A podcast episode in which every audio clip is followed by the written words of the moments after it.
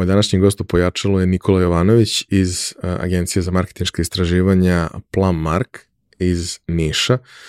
Uh, Nikola je inače moj prijatelj i jedan od ljudi od kojih sam učio prethodnim godinama čitajući zanimljive stvari koje je objavljivo i istražujući uh, njegove radove koje je prezentovao, koje su mogli da dospe u javnost. Pričali smo o tome koliki je zapravo značaj marketičkih istraživanja za donošenje nekih ispravnih poslovnih odluka i na koji način je potrebno uraditi istraživanje da bi podaci koje iz njega dobijete zapravo bili validni i mogli da se iskoriste.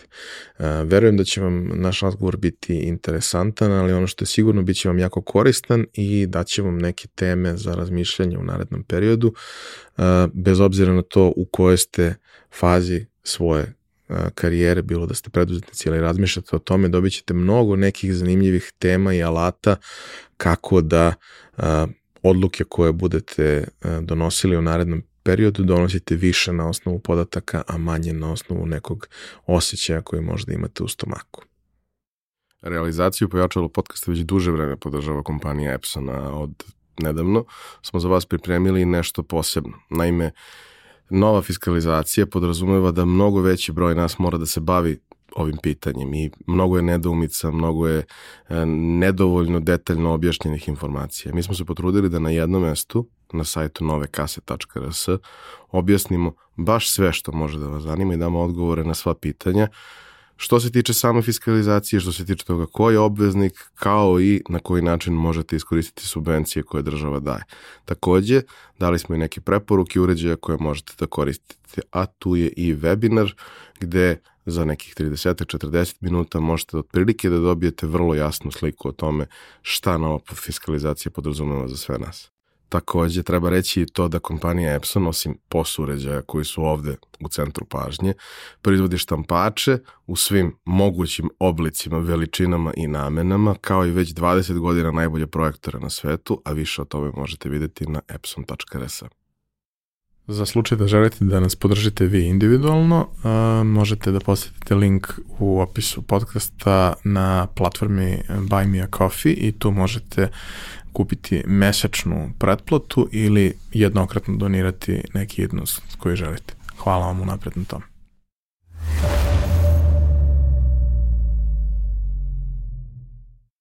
Nikola, dobrodošao. Bolje te našao. E, sa tobom ćemo pričati na razne neke teme, ali primarno ćemo se baviti onim što, što ti je danas i, i glavni posao i po čemu si prepoznatljiv, dosta si pisao na, to, na te teme, a i uradio si mnogo stvari, pa su ljudi imali prilike to da vide, a to je istraživanje tržišta, istraživanje javnog mnjenja i um, ta tema je jako važna zato što mi vrlo često volimo da ne testiramo pretpostavke koje imamo i da ulazimo u nekakve poduhvate bez podataka koji govore u prilog da li to što radimo potencijalno ima smisla ili ne. A to nije ni toliko teško, ni toliko skupo, a i kada radimo neku vrstu ispitivanja, obično radimo to na način koji je pogrešan, pa dobijemo podatke koji nisu ispravni i tako dalje i to mi je negde bila primarna motivacija zašto pričamo, a sekundarna motivacija je što je tvoja karijera duga, bogata, plodonosna, neobična i što si ti jedan neobičan čovek i mislim da, da si baš onako pravi sagovornik za pojačalo, mi ovde skupljamo ljude sa različitim diagnozama, ali koje su međusobno kompatibilne. Hvala ti na, na uvodu i na eto, tim razmišljanjima. Ovo. Uh, kao i za sve ostale ljude, prvo pitanje, mančmelo pitanje, šta ste budeš kad porasteš? Mm, baš se razmišljao o tome i kad se seća sad nekog detinstva, mislim da tad možda i nisam nešto mnogo razmišljao ili, ili mi sećanje ne seže dovoljno daleko da, da znam šta sam teo kada sam, ne znam, imao pet ili sedam, osam godina. Ali recimo, prva stvar koju sam hteo da, da budem, a da sam svestan potpuno toga je muzičar, gitarista. I kasnije dan danas me ta muzika nekako prati i paralelno i sa, sa ovim mojim poslom i sa nekim drugim poslovima kojima se bavim. Čini mi se da je uticaj muzike i uticaj tog mog sviranja dugogodišnjeg značajan na, i na razvoj i ovog biznisa i ovog mog posla marketinških istraživanja, ali i na neke druge, druge poslove. Tako da to sam želeo. Otprilike uh, sam počeo da da kažem da, da sviram gitaru u, sedmom razredu i onda mi je to narednih 6-7 godina bila ono bukvalno obsesija i svirao sam po 6-7 sati svakog dana i to mi je bilo najvažnija stvar i ona je, da kažem, značajno uticala i na, na to, znaš ono, ili se ja nisam od onih koji, koji su, da kažem, bili aktivni sportisti ili se ti u, u okviru sporta veže sa nekim ljudima i poveže se, ili u okviru muzike. Kod mene je ovo drugo slučaj. Muzika je, dakle, bila nešto što sam e, želeo da, čime sam želeo da se bavim, zapravo da, da sviram gitaru i da, da budem rock muzičar, pa kasnije i jazz kad sam, kad sam malo provalio šta je to i kako to funkcioniše. A onda jednostavno igrom slučaja i drugim razvojem okolnosti e, to nisam postao, postao sam ovo što, što jesam, a to je, da kažem, čovek koji se bavi e, u širem smislu reči marketingom, u užem smislu marketinškim istraživanjima, evo već možda 15 ili 17 godina. Svako od nas je u tom nekom periodu uh, tražio neki kanal kroz koji će da iskaže svoju kreativnost. Tužno je što u većini slučajeva škola nije imala rešenje za to. Ovaj, I baš sa svima kad pričam, naravno, ima ih i koji su otišli na stranu neke umetnosti, da li je to muzika, slikarstvo, fotografija, šta god. Ima ih koji su otišli u sport, ali gotovo svim slučajevima ono neposredno okruženje, odnosno ono na što si osuđen u tom periodu odrastanja, da x sati provedeš negde, nije imalo rešenje za to sve. To su uvijek bile nekakve van nastavne aktivnosti.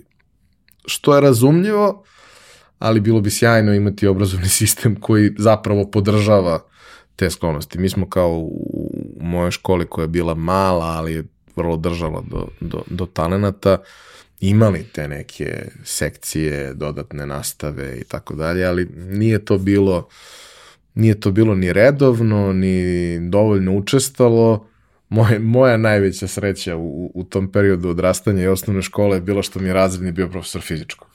Tako da uvek je bila slobodna sala za nas i, i to je to. I mislim, mi smo to nadoknadili, odnosno vratili time što smo bili prvaci Beograda u košarci da. i, i doneli gomilu nekih nagrada, jer smo stvarno bili i talentovani, ali pre svega jako upućeni jedni na druge.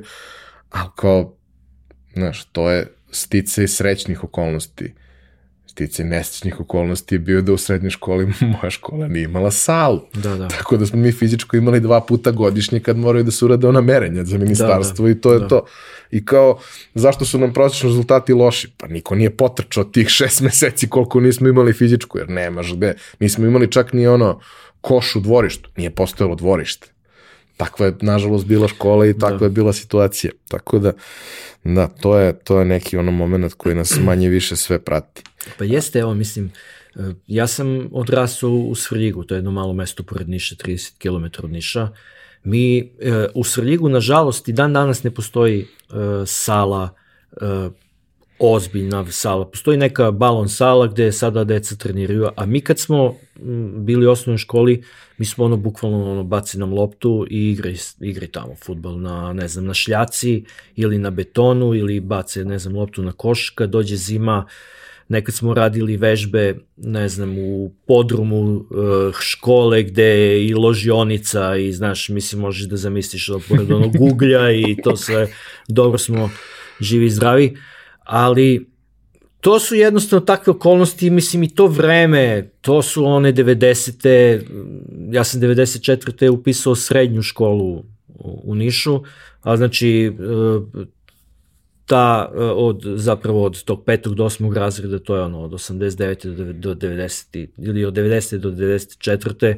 i sam znaš pisao si u svojoj knjizi o tom vremenu i to je baš onako uh, jedno mislim užasno, užasno vreme. Ja danas, e, sad kad sam dolazio iz, iz Niša, iz Svrljiga, sa svojim sinom, on ima 13 godina, pokušao sam da mu, da mu to, mislim, objasnim. I te, njemu je teško da to shvati, da razume kakvo je to u stvari vreme bilo, mislim, koje je to nivo nemaštine, kada, Šta? ne znam, roditelji, babe, dede, kupe, ne znam, kad, kad dođe, kad se pojavi neki hleb, ti kupiš pet hleba pa ga stavi, staviš ga u zamrzivač, pa posle neko vremena od, odmrzneš taj hleb da bi imao da jedeš ili kad, ne znam, treba da nosiš jedne te iste patike dve godine, one su već pocepane, ono, mislim kao u Alan Fordu, a onda te odvedete, od mene odvede otac u Niš da kupim patike, mi, mi ih kupimo, ona ulica pored pijace, tu su bili oni prodavci, sad to su neke ono falš e, starke koje su katastrofa i izgledaju katastrofa i kvalitet je katastrofa i sve katastrofa. A znaš ono, svi oko tebe su isti, takvi, isto toliko imaju, isto toliko, da kažem, mogu, isto toliko njihovi roditelji mogu, najveća većina tih mojih prijatelja. Tako da nama onda, onda ti kad nemaš to materijalno, onda ti mora da ideš u neko duhovno. I nas je onda ta muzika, i ne samo sviranje, nego i slušanje muzike, nas je, uh, mnogo nam je značilo u tom, u tom periodu. I mislim, koliko god je ta, da kažem, naša prošlost takva kako jeste i ta naša mladost, ona je naša mladost i samo je naša i najlepša je, mislim. A, i, I takođe, mislim da je ona uticala značajno i na, na sve ovo ostalo što se kasnije uh, dešavalo. Često kad, kad me neko tako pita, a pitaju me mlađe kolege, jer u suštini, koliko god to čudno zvučalo u, u mojoj industriji domicilnoj, ovaj, digitalnom marketingu, sve kolege su mlađi od mene, manje da, da. više. Da. Neki su ono po 15 godina mlađi, pa to sad već postaje strašno. I kao kad pitaju tako nešto, kao kako je bilo. Ja se sećam, ali ja to ne mogu da objasnim. Ja ne mogu da objasnim kako smo mi to preživeli. Znaš, ok, posebno, ajde, moja, moja porodica imali još neki specifični set tu okolnosti, zato što je, kad je krenulo najveće sranje, Ćale se razboleo preživeo sa, sa operacijom i to sve, ali to je bilo na svoj način posebno sad strašno još preko svega. Ali kad pita neko kako je to bilo, kako ste vi mogli da funkcionišete, ja ne znam. Ali ono što sam negde shvatio, mislim, bio sam, ja sam mlađi od tebe šest godina, ali jako se dobro sećam od 90. do 96. kako su da. stvari izgledale. Jednu stvar sam shvatio i možda je to možda je to ono oštećenje, a možda je i feature, možda je to funkcionalnost. A to je da principu se ne bojim više ničega. Zato što sve što je moglo da se desi, se desilo. Znaš, taman ono, ok, kao taj rat u Hrvatskoj i Bosni nije direktno nas pogađao ovde, osim onih koji su imali familiju, ja da. jesam i na jednom i na drugom mestu, ali kao, ne dešava se ipak tebi. Znaš ljude kojima se dešava, vidiš ljude, moja porodica je e, u nekom trenutku primila neke izbeglice, divne ljude, super smo se i, i, i družili, mnogo su me obogatili u tom nekom periodu jer su doneli jedan potpuno novi svet ovaj, kod moje bake tada, ali kao onda je došlo bombardovanje. I kao to ne može da se desi kako da se desi da, u da. zemlji centralne Evrope ili centralno istočne kako god. Kao, Može, brate, može. I desi se. I preživiš. Sad, sa kakvim posledicama, to, to je već da se, da se priča, ali preživiš i ideš dalje. Pa jedna revolucija, pa, pa manje ove revolucije i sve što tu ide. I onda jednostavno dođeš do toga da šta god da se desi, preživet ćemo. I to je to, idemo dalje. Pa I koliko je. god bilo teško, idemo dalje. Sutra novi dan. E, doduše, tad smo bili mnogo mlađi, znaš, i ja sad, znaš, ono, kad gledam iz ugla roditelja, imam sina 13 godina i, i čerkicu 3, 3 godine, onda, znaš, odgovornost je, da kažem, e, i taj osjećaj odgovornosti je e, nešto što mi kaže ono, ej, pa samo nemojte sad da, da, da izazovete treći svetski rat, jebi ga, mislim, taman smo krenuli malo nešto da... Eto, Ili da, daj, da ako ćete da izazovete, dajte pa, pre PDV-a, dajte se... pre PDV-a da bude. Radite to negde na nekom drugom mestu, a nas pustite malo na miru, znaš. A to, mislim, ja često pričam tako mlađim ljudima, znaš, ono, kad iznajmili su mi roditelji stan u Nišu, pošto, znaš, Svrljig, kao što sam ti rekao, blizu je Niša i 90% ljudi je bilo u Nišu u, u školi i to je jedan od, od razloga što je, znaš, jako je to jedno malo mesto i nažalost slomom te industrije 90-ih više nije nije razvijeno, šta više devastirano je, ali tada je imalo neki, da kažem, taj urbani, urbani duh, baš zbog toga što su to ti ljudi koji su, eto, bili tu na, u školi u Nišu, družili se sa, sa mnogo većim brojem ljudi i donosili, znaš, tu svoju kulturu.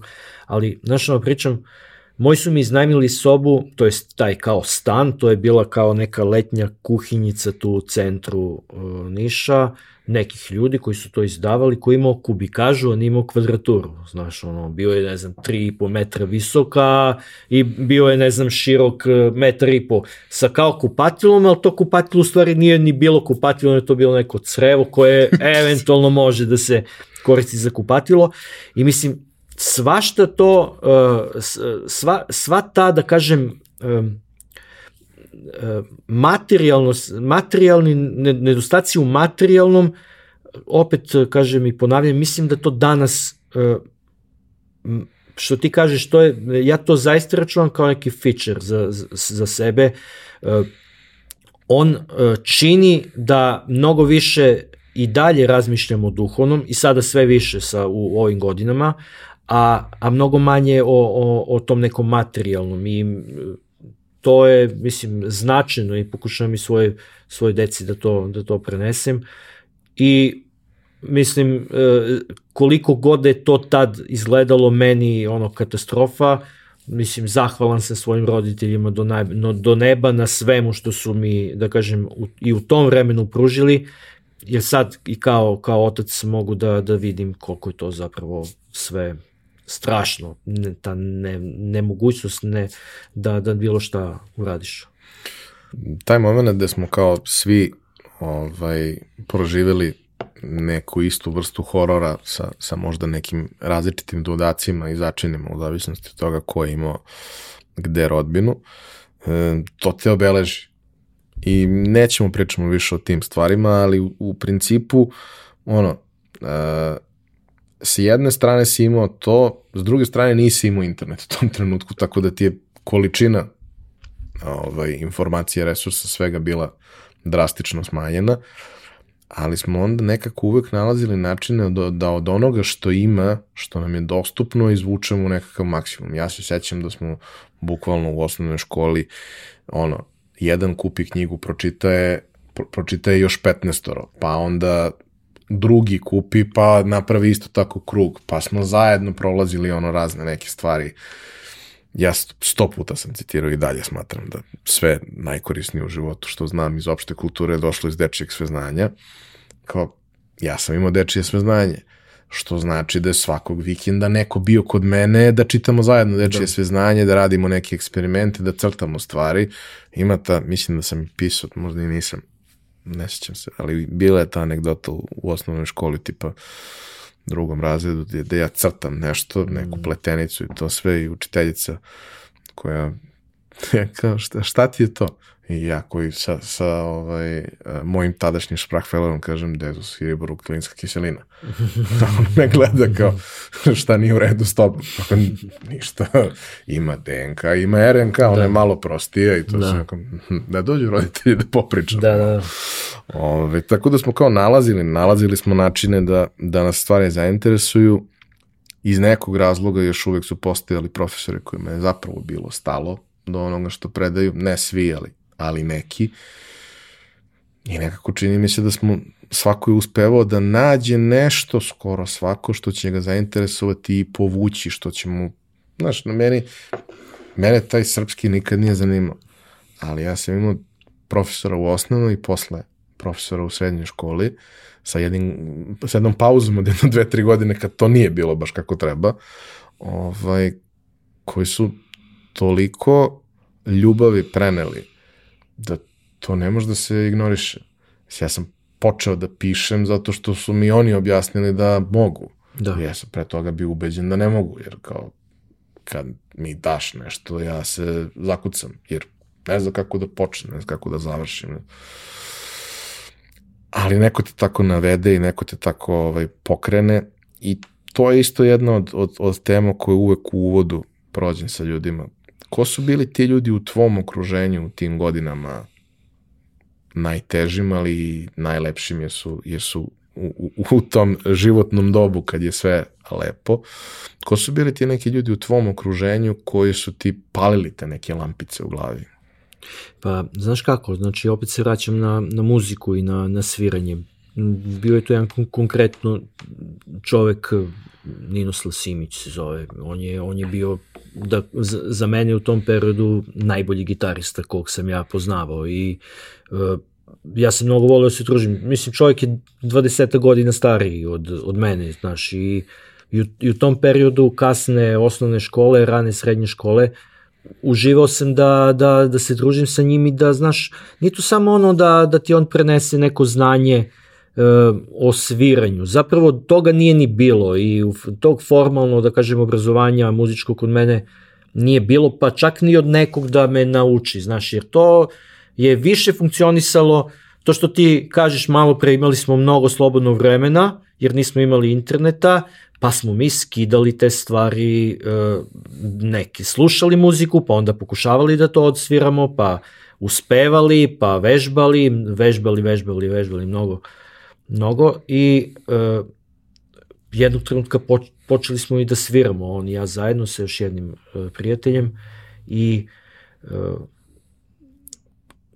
jednostavno e, veliki je da kažem u tom trenutku uticaj ono ja živim u Nišu u to vreme srednje škole onda se vraćam dva puta nedeljno da bismo uveče svirali u nekom kafiću onda sutra dan opet idem u školu i tako dalje znači bilo je to u stvari jako jako dobro mislim a ono sviraš za picu i ne znam nešto, ne, da li, da li je bilo novca, uopšte se ne sećam niti mi je važno uopšte bilo u tom trenutku da li ima tu para ili ih nema, verovatno ih je bilo nešto, ali malo. To je jedan, da kažem, uticaj. Opet se vraćam na još jedan uticaj koji ima veze sa muzikom, ali je to uticaj e, mog ujaka koji je diskofil, ima ne znam sada već preko 3000 ploča, e, koji me je učio da slušam muziku. Ali ne ono sad ti sedni i slušaj ovako, znaš, nego, znaš, mi dođem uh, kod njega i uh, pustimo ploču i dok se ne, ne završi ta jedna strana, nema šta mi ni da pričamo o tome, niti bilo šta, mislim, ne, kao sada što ljudi rade, znači ti slušaš pa čak ne slušaš nijednu pesmu. Ovo je fiz, fizički nije, da kažem, e, dozvoljeno da, da, da ti sad menjaš to, znaš, pustiš jednu pesmu, pa ta mi se sad pesma ne sviđa, pa ću sad da idem na ovu četvrtu, pa ću da okrenem, ne znam, ploču, pa ću da idem na ovu osmu, pa, znaš, mislim, slušaš muziku, slušaš ne, nečije uh, umetničko delo od, da kažem, početka do kraja. I to je takođe jedan, jedan važan uticaj. Ja sad uh, povezujem nekako, čini mi se da to ima veze i sa ovim što, što sada radim. Pod jedan, e, ta analiza u marketing, marketinškim istraživanjima je veoma važna, gde ti izlačiš neke stvari iz nekog nalaza. Izlačiš iz nekog muzičkog dela, ja skidam to, slušam pažljivo, čujem različite instrumente, čujem različite tonove, znaš, ono, pustaš na kaseti pa vratiš na, e, na, nazad da bi skinuo tu pesmu.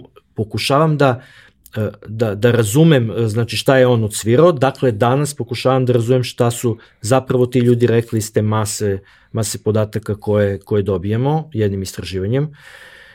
A takođe kada je slušanje muzike u pitanju, meni to sve liči na neku zapravo sintezu, jer zapravo ti ako, ako izvučeš te podatke i predstaviš ih ovako odvojeno, oni ne znači ništa.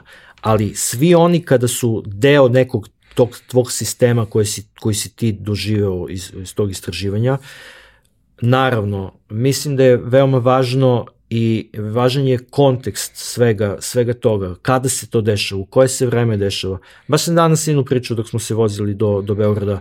Uh, razmišljaj o tome e, kad, kad je ta pesma snimljena, zbog čega je snimljena, kako je to nastalo, šta se tada dešavalo u, ne znam, u Americi kad je neki album snimljen, šta se dešavalo u to vreme u Engleskoj, šta se dešavalo to vreme u našoj zemlji, koje su to razlike, koje su sličnosti, šta, šta, šta može odatle da se shvati, zbog čega je neko pevao, ne znam, o, o slobodama, on naravno još je mali, pa još uvek ne znam mnogo i o ropstvu i o uticaju, da kažem, tog takvog američkog društva na, na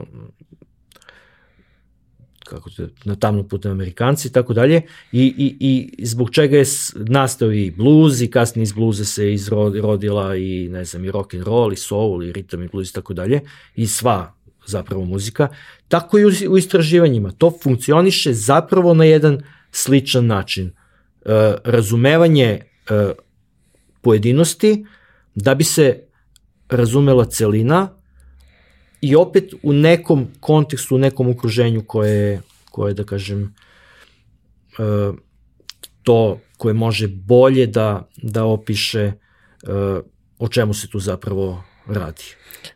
Naročito u to vreme. Ne znam koliko je to slučaj danas, ali u to neko vreme, 60, 70, 80, 90, do možda 2000-ih, taj moment kada ti nisi mogao kao danas da klikneš i kupiš pojedinačnu pesmu za dolar, nego si kupovao nosač zvuka na kome je ceo album, uvek postoji taj moment, barem sa kultnim albumima i kultnim izvođačima, postoji razlog zašto je to na album. Zašto je tim redom na album. Tako je. Ti možeš da otrgneš to iz iz konteksta zato što ti neka pesma pojedinačno da, sviđa ti se. je i uvek imaš na svakom velikom albumu imaš jedan, dva, tri hita koji su i van konteksta tog albuma neviđeno popularni posebno ono, ne znam, kad je došla muzička televizija, radio, pa ne pušta se ceo album, pušta se pojedinačno to nešto. Ali ima neke magije u tome kad zapravo odslušaš ceo. Naravno. Celo delo Naravno. koje je u suštini Ja mislim da se, povezano. E, da je, ne znam, prethodnih godina, možda pre deseta godina je nastao novi trend da se objavljuje single po single, single po single, ali mi se čini e, da, da je prekinuto sa tim i da zapravo i velika imena svetske muzike da polako se vraćaju tome da objavljuju album.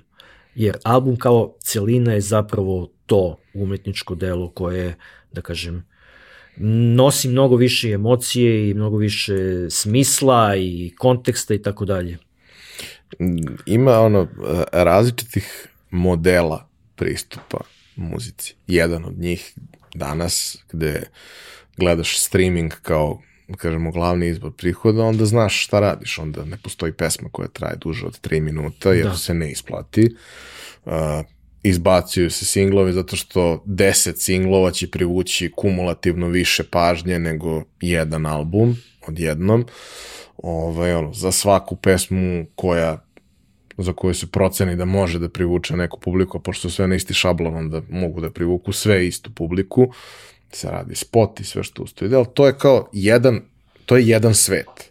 Da. A ljudi koji se bave ozbiljnom muzikom i dalje to rade na način na koji su to radili pre 30 godina, jer se, što se toga tiče, ništa nije promenilo. Pa naravno. Znaš, tako da sve ima svoje, mislim, i ti trendovi koji se pojavljaju, oni su interesantni ukoliko posmatraš industriju, muzičku industriju kao biznis, kao ono, izvor prihoda. A ako ti je to ono, potreba da se izraziš samo sad na malo većem nivou jer te prate neki hiljade ljudi da. i milioni ljudi zato što to što radiš je sjajno, onda ne moraš da se prilagođavaš ničemu od toga. Možeš to ipak da radiš na neki svoj način i da to i dalje funkcioniše. I ono, veliki, veliki kultni bendovi koji imaju decenije karijere i dalje najviše vole koncerte. A oni koji su, da kažemo, YouTube generacija, njima su koncerti nužno zlo, zato što ono, mora se pokaže da su živi i oni da može čovjek da ih pipne. Iako ne može sve, iako sad imaš i virtualne da. suštinski umetnike. Ali dobro. Um, dobro, muzika je dakle bila jako važan deo tvog odrastanja i tvog života, a e, šta se dešava u trenutku kad ono, si pri kraju srednje škole i treba da doneseš odluku šta ćeš da studiraš, šta ćeš da radiš sa svojim životom? Pa znaš kako, mislim, ja mislim da je to uh, takođe muzika značajno uticala, to jest u tom periodu ja nisam bio dovoljno, da kažem, mm, informisan o nekim oblastima konkretno o čemu se sad bavim, jer to su ipak one godine pre, i pre razvoja interneta i, i čak i ta, da kažem, izmeštenost iz, velik, iz velikog centra, iz Beograda, uticala je na to da uh, ja zapravo 98. upišem elektronski fakultet u Nišu i uh, na sreću ili na, na, na žalost uh, 99. je počeo taj rat i to je bilo ono jedna cela izgubljena godina i nakon toga sam ja batalio uh, elektronski fakultet kao i mnogi drugi naši poznanici koji su batalili. U različitim pa, fazama. Da, i krenuli da se bave nečim drugim. E, onda sam ja počeo da, da se malo interesujem za marketing i meni je marketing postao vrlo, vrlo interesantan i e, rešio sam da upišem marketing na ekonomskom fakultetu u Nišu, postoje smer, odem ja da upišem marketing, e, kad ono, pošto sam bio u elektrotehničkoj školi, mora da polažem diferencijalne ispite, oni su, to se već desilo, polagali su te, ti ljudi diferencijalne ispite, ja onda, mislim, ono, godina mi, da kažem, uh, puca, nemam više uh, vremena, ja gledam gde je to neko najbliže mesto gde mogu da, da učim marketing i pronađem fakultet za management u Zajčaru, Megatrend, i odem tamo i upišem uh, smer međunarodni marketing. I e, pokazalo se, evo, sad sam toga potpuno svestan da je to možda najbolja odluka koja mi se desila u, u svom životu, što se tiče e, početka bavljenja ovim poslom, zato što, e, pošto sam, kažem, već bio na, na elektronici, e, znaš, ti kad, kad sa jednog e, državnog fakulteta u to vreme odeš na privatni fakultet, to je kao da si, ne znam, ono, mislim, jedno, e, e, doživiš pod jedan je, poštovanje onih ljudi koji tamo rade zato što si ti, eto, došao. Po dva, e, kreće jedan, da kažem, život i, i, i rad koji je usko povezan sa fakultetom, koji je meni potpuno ono, trasirao karijeru i ono čime se, čime se danas bavim. Jer e, nisam e, to napomenuo e, i za vreme e, za vreme srednje škole, ali na početku studija, mene zapravo u vezi te, na kraju sam to shvatio, u vezi te elektronike, najviše me interesovao rad u časopisu e, koji je e, na elektronskom fakultetu izlazio i ja sam poznao te ljude i stalno sam se družio sa njima i zapravo ta ideja o, o, o pisanju novinarstvu mi je bila daleko privlačnija nego elektronika koja je u to vreme bila ona elektronika, ne ovo danas što uče ljudi koji sada upisuju fakulteti ili pre pet godina, nego to je bilo nešto, da kažem, u to vreme čini mi se potpuno ono neprimenjivo današnjem, današnjem svetu i današnjem okruženju. E, na, na, na tom fakultetu za management su u to vreme pod jedan bili jako dobri profesori, pod dva bilo je jako lepo okruženje za rad. Svi ti, sve, sve moje kolege sa kojima smo još zajedno bili na toj nekoj klasi su danas rade i uspešni su u svom poslu i u različitim oblastima i u marketingu i u bankarstvu i tako dalje.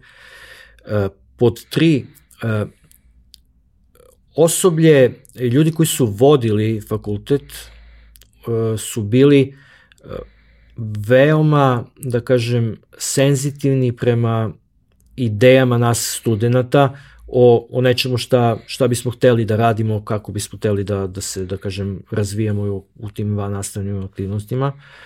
I mi smo negde, ja sam 2001. upisao uh, fakultet, negde 2002.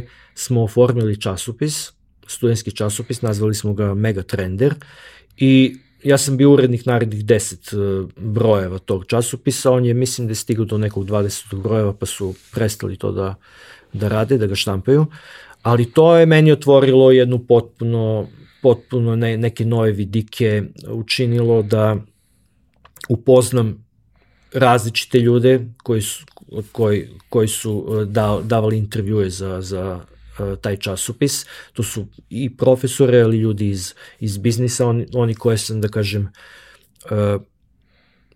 upoznavao tako što mislim, samim tim što sam bio urednik časopisa, otvaralo mi je mnoga, mnoga vrata i ulazak na, na razne koncerte i na razne konferencije. Ja sam na jednoj konferenciji uh, SEMAR se zvala, konferencija o istraživanju tržišta upoznao i Miroslava Šutića i uh, onda sam nakon toga uh, uradio jedan intervju sa njim koji je objavljen u, u, u tom časopisu. E, da bi nakon nekog vremena mi sa fakulteta učestvovali na, na nekom takmičenju o, u oblasti marketinga, rešavanju studije slučaja koje je Josef Lončar organizovao.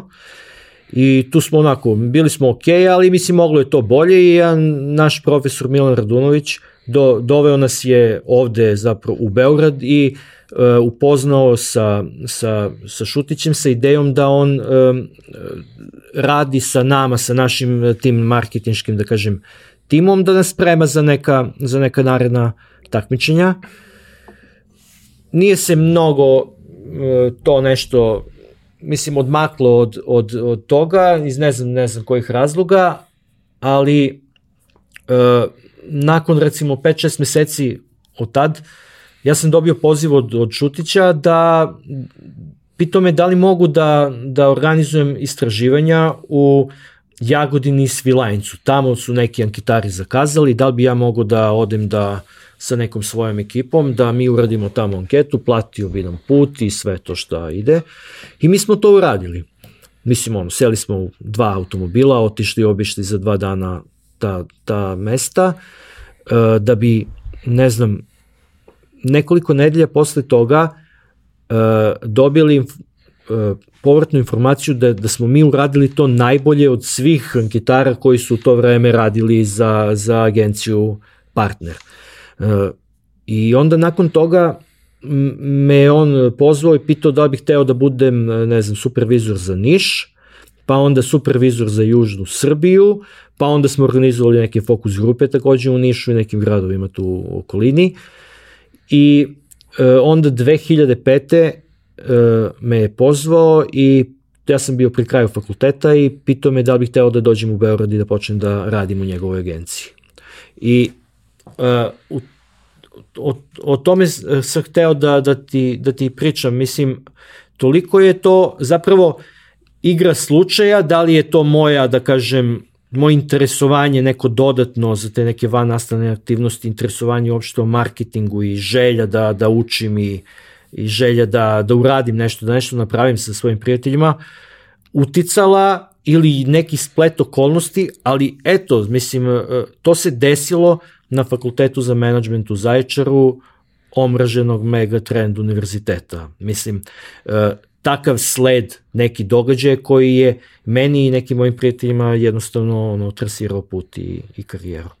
Zapravo u tom nekom periodu, po i danas, ali posebno u tom nekom periodu kada je moja generacija dolazila do, do, do faze za fakultet i tako dalje, kada pričamo danas, zapravo većina ljudi koji su upisali privatne fakultete, ok, a, bilo im je lakše nego što da, je bilo svakako. onima na, državnim fakultetima bez daljnjeg, ali ukoliko su stvarno imali neku vrstu strasti prema tome što, što će tamo učiti, oni su zaista imali mogućnost da, da, da rade fantastične stvari, da nauče Tako fantastične je. stvari, jer su ljudi koji su radili na tim fakultetima bili izuzetno motivisani, njih je ložilo to što rade, nisu to radili isključivo zbog novca, ok, sigurno i ta komponenta negde značajna jer su verovatno bili dobro plaćeni. Pa bili su verovatno bolje plaćeni nego profesori na državnim fakultetima. Ali toga. posebno ono, način na koji su i selektirani ti ljudi i šta je tu birano od predmeta i kako su se oni dogovarali, na koji način će da izgledaju ti programi, većina ljudi koja je to prošla, a koja je imala cilj da se nekom od tih ovaj, oblasti bavi, je pokupila fantastično znanje, gomilu kontakata, yes, gomilu yes. nekih uh, uh, situacija ono u kojima su upoznavali ljudi koji su im koji bi im bili u bilo kojim drugim okolnostima nedodirljivi potpuno, a imao si i okruženje koje te stimuliše da u takvim situacijama kao pa pitaj ga, slobodno ga pitaj. Nije, nije, ne postoji taj, uh, ta neka meni neprirodna distanca koja se pravi između ljudi koji su ti ne znam, profesori, tebe kao studenta ili ljudi koji su gostujući predavači koji dolaze ili gosti na fakultetu da, koji dele neka svoje iskustva gde, ok, on je tu, ali on je u suštini oko njega je stakleni zid i ti ne možeš da mu priđeš ni u jednom trenutku. Ma jeste, mislim, to je, na, mislim, taj prvi utisak, kažem, odlaska sa, sa elektronike u upisivanje privatnog fakulteta, ono, prvo, šalter radi non stop.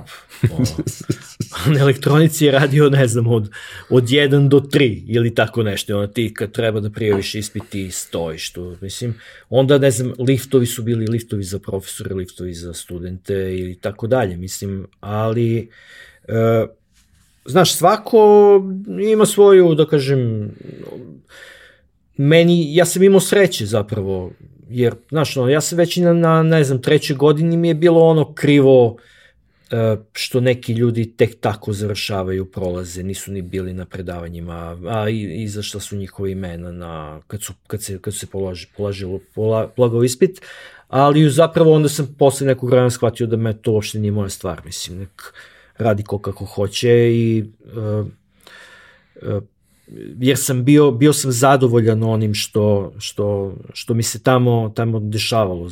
Tu su i prvi prihodi, zapravo nas nije fakultet plaćao da objavljujemo časopis i da radimo na njemu, ali smo mi imali od štamparije neki, neki novac zato što smo im donosili posao pa, pa je tamo štampan časopis. Zatim, uh, za svaki broj smo imali lektora profesionalca koji je svaki taj naš tekst čitao, naš on, on, on je štampao, pa onda na štampanom primerku c, ono, brisao, crtao, menjao, onda mi smo to unosili, najčešće ja, e, i mnogo, to, mnogo sam naučio zapravo i opismenio se radom kroz, e, kroz časopis Megatrender. Onda smo počeli da sarađujemo sa kolegama iz Beograda, e, ti znaš Ivana Tanaskovića, on je tad vodio jedan sajt ili forum, ne mogu da se setim sad, u, u to isto vreme, I mislim, mi smo tad drugari, evo koliko već 20 i nešto godina, eto i on je jedan od, od nas. Neki sjajni ljudi koji su u periodu kada je to možda bilo najvažnije, osnaženi da se bave onim što ih zanima. Dato im je, mogućnost im je data, data im je prilika da nauče. Znaš, često se sećam to i ja sam nisam studirao u tom periodu, ali sam imao ljude u svom okruženju koji su studirali, pa kad pokažu interesovanje, profesor im donese knjigu. Kao, evo ti knjiga, pročitaj, isfotokopiraj šta god, pa vrati. Nema je zato što ne postoji na srpskom, nikad nije izdata šta god, ali evo ti iz moje biblioteke, jer vidim da ti je stalo. Da. I to ti otvara neke mogućnosti koje su potpuno ono, uh, dok sa druge strane na državnim fakultetima i dalje si imao taj moment, imaš ga i dan danas, što, što je posebno strašno, da kao moj predmet se uči iz mog učbenika. Ja sam jedini koji je rekao kako to treba da bude i ne možeš ti da dođeš sa, nekim, sa nekom drugom definicijom, ja sam ja to tako rekao. Ja ne funkcionišem dobro u, u takvom Ma, naravno, sistemu. Naravno. Ja nemam ništa protiv autoriteta. Ja samo ne mogu silom nametnuti autoritet. Meni je skroz ok da neko prirodni autoritet. Naravno, naravno, mislim, autoriteti su bitni, ali eto, autoritet, evo vratit ću se ponovo na, na to, da kažem, svoje prvo zaposlenje zapravo u agenciji partner, ovde u Prizrenskoj je, je bila uh, kancelarija, uh, tu je u, u jednom delu tih kancelarija bili su onako s, s, sva ta istraživanja koja su, da kažem, urađena u prethodnih možda deseta godina koliko je partner postojao. Ja sam to, ja sam nosio kući da čitam. Razgovori sa tim čovekom koji nažalost je umro pre nekoliko godina su bili, ne mogu da ti opišem, znači to je ono kad to bih radio bez ja bih platio da to radim da sam mogao. Znaš, da sam, da sam živeo u Beogradu, da, sam, da su mi roditelji odavde, da, da sam imao svoj stan, bio bih spreman i, to, znači da, da platim da bih slušao jednog od najelokventnijih ljudi koje sam ja u svom životu upoznao i mislim nije džabe i Lazar Džamić kad je bio kod tebe, on ga je, na, mislim, Šutiće je stavio u svoju petorku uh, oni koji su naj, najviše pozitivno uticali na razvoj marketinga u, u bivšoj Jugoslaviji. To je bilo, to je stvarno jedno izuzetno iskustvo. E, postoji taj moment da mi pričamo o vremenu koje je pre interneta ili na samom početku, kada nisi imao na raspolaganju sve uh, alate gde ti u pet klikova nešto možeš da napraviš, nego su ljudi zapravo morali da znaju to, čime se bave, da bi mogli da urade išta. I onda samim tim to sve što je urađeno još sto puta impresivnije. Naravno, ovo je sad otvorilo mogućnost da i neko mnogo manji sa vrlo ograničenim resursima opet napravi nešto što, što je vrlo vredno i korisno za, za, za nekako donošenje odluka u, u poslu. U tom trenutku je to bilo u suštini rezervisano za, samo za velike igrače, ali su veliki igrači bili svesni toga i oni su se zapravo ozbiljno i posvećeno bavili tim. Uh, u kom trenutku kada krećeš u tu, u tu priču, uh, u kom trenutku počinješ da, da ono, razmišljaš da bi to zapravo mogla da bude tvoja karijera? Jel postoji neki trenutak na vremenskoj liniji kad si rekao ok, to je to? Mislim da da. I to jeste vezano sa, za, za, sa tim zaposlenjem u, u partneru, ali zapravo taj moj rad u partneru je trajao neke tri godine sa malim prekidima, umeđu vremenu sam bio u marketingu Sky Musica i e, ta odluka da, da se 2008. E, počnem da se bavim tim, da kažem, poslom samostalno, e, usledila je pre svega zbog e, promene, mesta, promene mesta prebivališta. Sa, pre, preselio sam se u iz Beograda u Niš i rešio da, da tamo pokrenem, da kažem, agenciju. Prvo smo radili zajedno sa Šutićem, nakon toga sam e, krenuo da to radim sam i to je e, trenutak kad sam ja odlučio da ću da se zapravo bavim pre svega marketinškim istraživanjima. E, na sreću, zapravo opet ono ima na žalost i na sreću. Na, na, na sreću bilo je u, u, u tom prvom talasu od nekoliko godina jako puno posla, jako puno, puno klijenata. Zapravo sam se bavio jednim segmentom e, marketinških istraživanjima, fieldwork managementom, organizacijom istraživanja, upravljanjem anketarima, upravljanjem anketarskom mrežom, organizacijom telefonskih anketa, fokus grupa i tako dalje. I radio sam to za MMRB, poznatu kompaniju, koja je imala velike klijente u to vreme u Srbiji, pored ostalog e, u to vreme je i Telenor došao i čak i pre nego što je Telenor kupio e, Mobtel, e, mi smo, mi smo krenuli sa serijom istraživanja, na desetine, možda 20-30 različitih istraživanja i to je krenulo jako dobro. To je sve super bilo do početka svetske ekonomske krize, koja se kod nas u, u Srbiji za ovaj moj posao desilo otprilike 2011. kada je AC Nielsen kupio MMRB i onda zapravo uh, moj posao staje na taj posao sa istraživanjima na dve godine. Ja nisam bio spreman da, da to, da kažem, nisam znao, nisam imao dovoljno znanja da mogu da prepoznam da će to da se, da se desi. Mislio sam da je to kratkog daha, jer nemoguće ako sam pre toga imao po 5-6 istraživanja mesečno, da odjednom ih nema uopšte i nemoguće je da to je moje mišljenje bilo da firma sa, ne znam, pet zaposlenih u to vreme da jednostavno propadne jer se ona do tada razvijala, međutim sve se to zapravo desilo. Moja firma je propala, uh, ušao sam u, u, u dugove, posao istraživanja je potpuno u tom trenutku stao, zato što sam, kako se ono kaže, sva jaja držao u jednoj košari i uh, to je, da kažem, uh, mi smo krenuli da radimo neke stvari, da, da pokušamo da izađemo iz toga, ali jednostavno nije se moglo. I to je otprilike trajalo narednih nekoliko godina da bi se, ne znam, već 15. 16. stvari polako počele da se, da se vraćaju u neku normalu i da zapravo uh, od tog nekog naravno ja sam morao da počnem da se bavim nečim drugim, da radim nešto, nešto drugo. Jedna od tih stvari koje je značajno pozitivno uticala na, na mene i na, da kažem, moj razvoj je kreiranje i razvoj deli prostora u Nišu. Ne znam da li, bio si u stvari, da ja nisam stigao da tad, da tad budem. Mi smo to bukvalno ono od, od nule napravili smo coworking prostor koji evo i danas je jedan od, od najboljih e, prostora tamo i mnogo je pozitivno uticao na jednu čitavu generaciju kreativaca u, u Nišu. Da, i, zapravo, eh, to hoću da kažem, jednog trenutka sam shvatio da uh, je ponovo vreme da bacim fokus na na, na marketinška istraživanja, prethodno sam radio nekoliko različitih stvari da bi jednostavno opstao.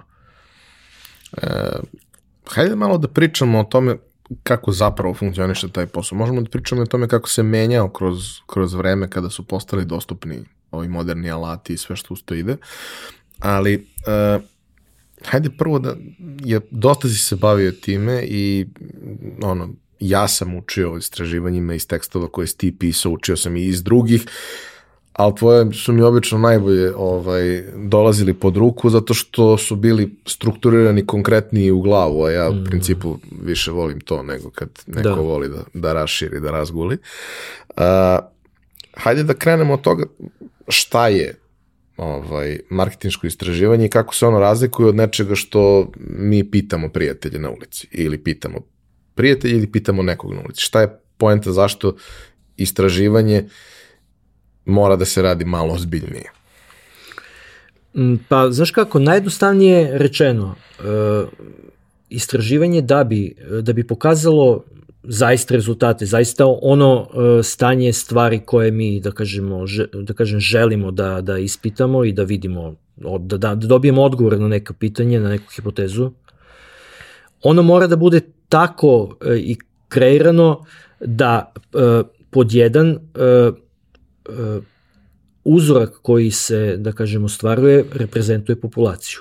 I to je ono, čuli smo svi, pošto se često kada, kada se dešavaju izbori, dosta se priča o tome, uh, nacionalno reprezentativan uzorak ili reprezentativan uzorak za tu neku pojavu, mislim, uh, je jedini koji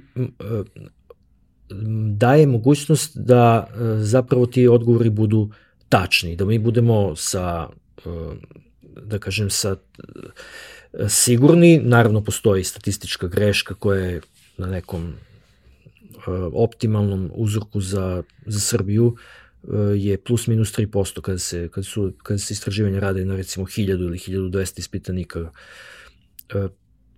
možemo da kažemo da su da da da je kako da kažem da je, da da stojimo iza tih podataka Kada mi pitamo prijatelje, prvo prijatelji nam naj, najčešće podilaze i odgovar, odgovaraju nam ono što mi želimo da čujemo. Po dva, taj uzorak je najčešće naši prijatelji po sistemu sličan se sličnom raduje su slični nama u, u, u, raz, u da kažem različitim pogledima na, na svet i na, pa i na konzumiranje proizvoda i usluga.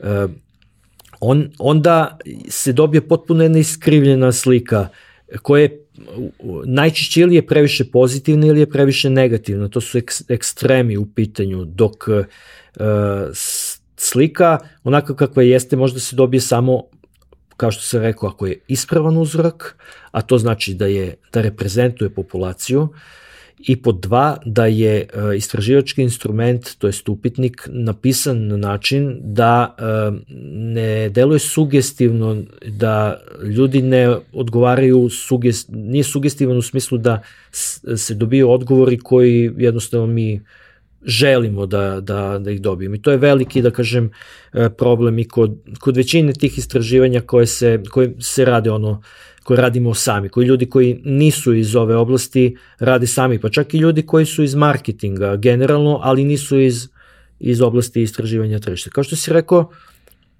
danas postoje mnogi alati, mnogi alati su besplatni za te neke osnovne istraživačke aktivnosti i moje mišljenje da da ljudi treba da, da koriste, da kažem, te sve alate u onoj meri koliko su, da kažem, koliko je njihovo znanje o tome kako da to da to upotrebujem. Mislim, ja mogu da uzmem Photoshop, ako mi je dostupan, i da pokušam da nešto u njemu dizajniram i e, uradit ću to do nivoa mog znanja i umeća. Tako isto i sa e, ovim, kako se zove, Google formama ili bilo kojim alatom koji je besplatan ili nek, čak i ovi neki softveri koji koji se plaćaju, mislim svako može da plati par desetina evra za to jedno istraživanje i da može da koristi softver, ali je e, tu e, mnogo veći problem u, u tome s, sa kim, e, do kog mo, mi možemo da dođemo e, da nam da odgovore u, u, u tom našem istraživanju i da popuni naš upitnik. I video si i ti sigurno ljudi kad rade, ne znam, istraživanja za, za diplomske radove, magistarske radove i tako, oni šalju e, preko društvenih mreža, molim vas popunite, neko popuni, neko ne, neko to uradi ono, brzo, neko... Uh, tu se dobiju stalno, stalno iskrivljeni rezultati. I to je veliki, veliki problem. Uh, zapravo, ako, ako je to nekom važno da budu zaista rezultati koji koji su, da kažem, relevantni.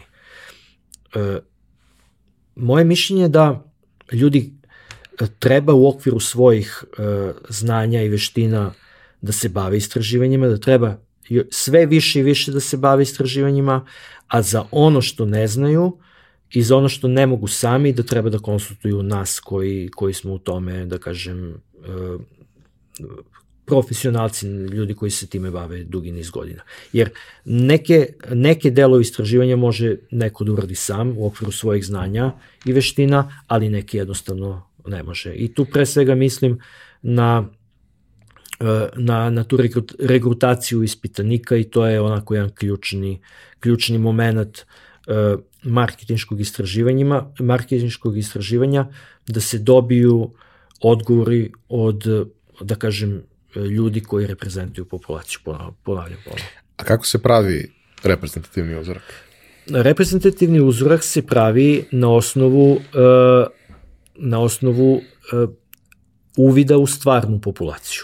Sad, to se e, popisi stanovništva se rade svakih 10 godina i mi i kada se kada se završi popis stanovništva mi imamo tačan uvid u, u strukturu po najrazličitijim, da kažem, kriterijumima, po starosti, po polu, po mestu stanovanja, po raznim drugim kriterijumima. I to je osnova, pošto, pošto je naš popis rađen pre 10 godina, mi ne možemo da imamo 100% da kažem uvid u to koji su, ko je sada struktura, da li, da li je bilo migracija, selo, grad, i u, u kojoj meri u, u ovih 10 godina, takođe da li je bilo e, migracija iz malih gradova u velike gradove, šta se tu promenilo, koliko ljudi u inostranstvu, ali i Zavod za statistiku radi povremena e, svoja istraživanja na nekom svom uzorku gde se zapravo ti podaci dobijaju. I to je nama osnova da, da možemo da krenemo u projekciju tog nekog reprezentativnog uzorka, za, ako, ako pričamo o istraživanju na recimo celoj populaciji. I koliko je neka ono dobra praksa da je, da je potrebno da broji reprezentativni uzorak da bi on bio zadovoljavajući? E, e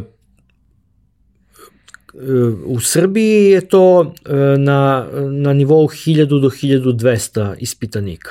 Jer onda mi radimo istraživanje sa uh, prihvatljivom e, statističkom greškom tog uzorka, plus minus 3%. I pošto se većina istraživanja rade na, na toj veličini uzorka Inače bi bila, mislim, duplo skuplja da se radi na 2000, na, na, na 3000 i nema, da kažem, ni razloga da, zato što se sva rade na tom, na toj veličini uzorka, onda su jedna sa drugim uporediva. Jeste. I e, čak i politička istraživanja koje se, koje se rade pred izbore, zapravo one se rade stalno, ali se najčešće objavljuju pred izbore, se rade na, na toj veličini uzorka, to je, to je sasvim dovoljno.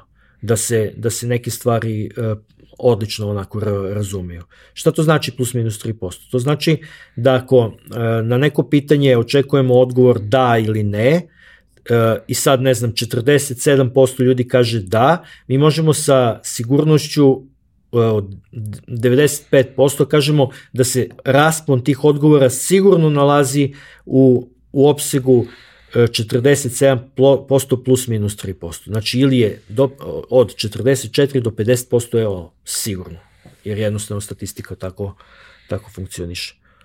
A, onaj drugi deo koji je veoma važan, to je da a, prosto način na koji je oblikovano istraživanje i upitnik, sama pitanja ne budu sugestivna. Sad, svi smo mi u nekom trenutku radili neka istraživanja i vrlo često ono što dođe do nas ili na nivou toga da nekome treba za neki rad ili da nas neko zamoli za sobstvene potrebe nešto istražuje pa da se odgovori.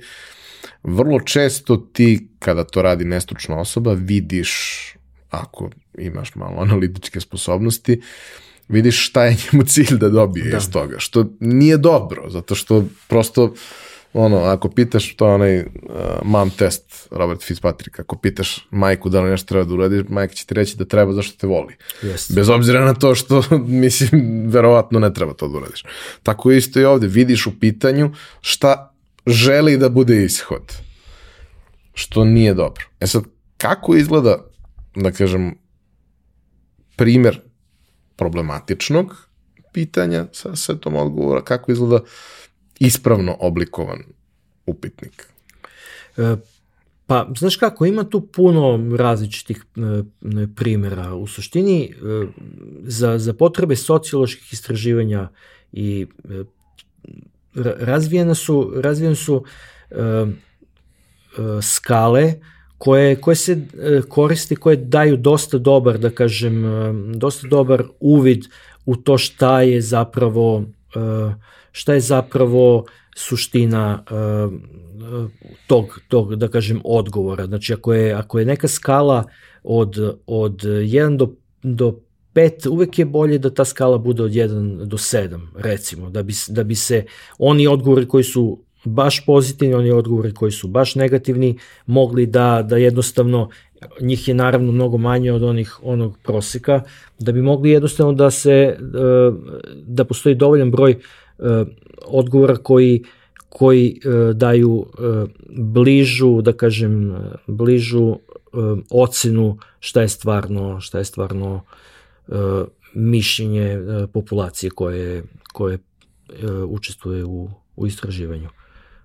Ja, često kad kao pričamo o tome doživljavamo kao da slika može da bude samo crno i bela, a zapravo u sivima se najčešće krije sve ono od detalja što nam je potrebno da, da znamo. Vrlo redko su situacije takve da je stvar binarna. Jeste, pa mislim često postoji, da kažem i problem u tome što naru, naručioci istraživanja uh, imaju e, potrebu da pitaju veoma veliki broj pitanja i onda ta, te ankete idu, ne znam, u dužina trajanja upitnika ide na, i ne znam, preko 15, 20, 25 minuta. Oni e, jednostavno moraju da budu svesni da e, posle nekih 5 do 7 minuta fokusa na, na to šta su, šta su pitanja, e, ljudi jednostavno više gube volju da uopšte u tome, u tome učestvuju. Čak i za novac. Znači ne, ne može to da se, da kažem, da se, da se uh, plati. Uh, zato što jednostavno gube, gube koncentraciju. Tako da, vrlo je važno da se po meni je čak i važnije od samog izbora hoću da kažem, veoma je važno da se izaberu uh, pitanja koje se zaista tiču onoga šta, šta mi želimo u tom trenutku da istražujemo i uvek je bolje da imamo dve ankete koje će se desiti u nekom vremenskom periodu, nego da u jednu stavimo jedno i drugo, a da onda ne koristimo odgovore na pola pitanja zapravo i ne, ne koristimo, jer nam zaista nisu ni, ni, ni trebala. Uh, to se to se veoma često često dešava. I mislim da je to može da bude dobar savet ljudima koji sami kreiraju upitnike da se fokusiraju na ono što im je, što im je zaista važno. Uh, ti si kroz karijeru u različitim fazama učestvovao u raznim nekim zaista interesantnim projektima. Pominjao si uh, kako to izgleda kada velika korporacija dolazi na neko tržište sa željom da akvizira i da potroši značajnu količinu novca da na to tržište uđe i da prosto pravila nalažu da ne veruju baš sve onome što piše u, u tenderskoj dokumentaciji, nego da zapravo žele da vide kakvo je, kakvo je realno stanje. Uh, nije to baš uobičajan slučaj, nisu svi toliko školski pristupali tome, ali recimo u tom slučaju kada, kada ste radili uh, za, za Telenor, uh, šta, su sve, šta su oni sve želeli da znaju?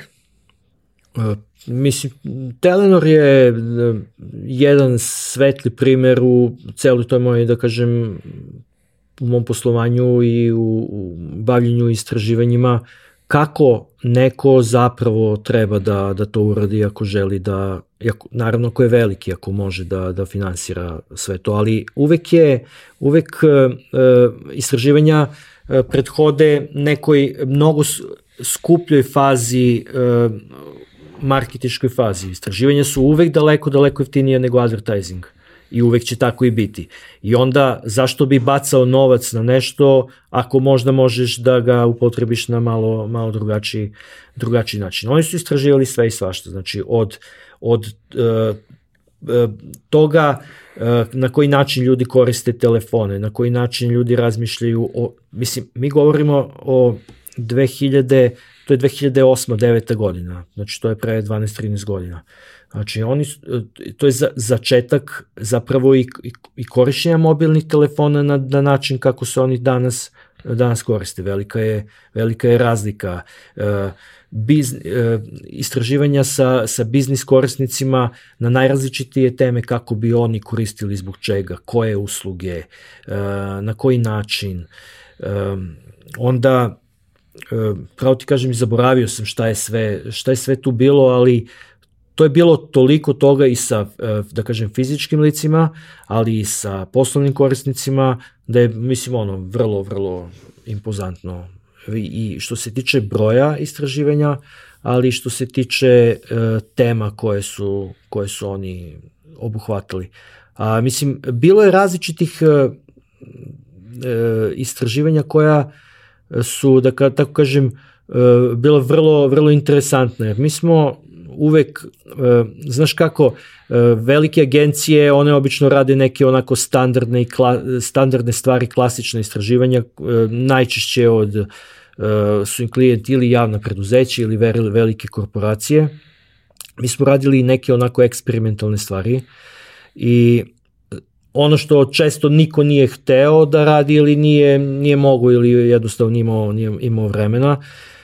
Ja pamtim jedno E, takođe davnašnje istraživanje. E, mislim da je e, Philip Morris bio e, klijent.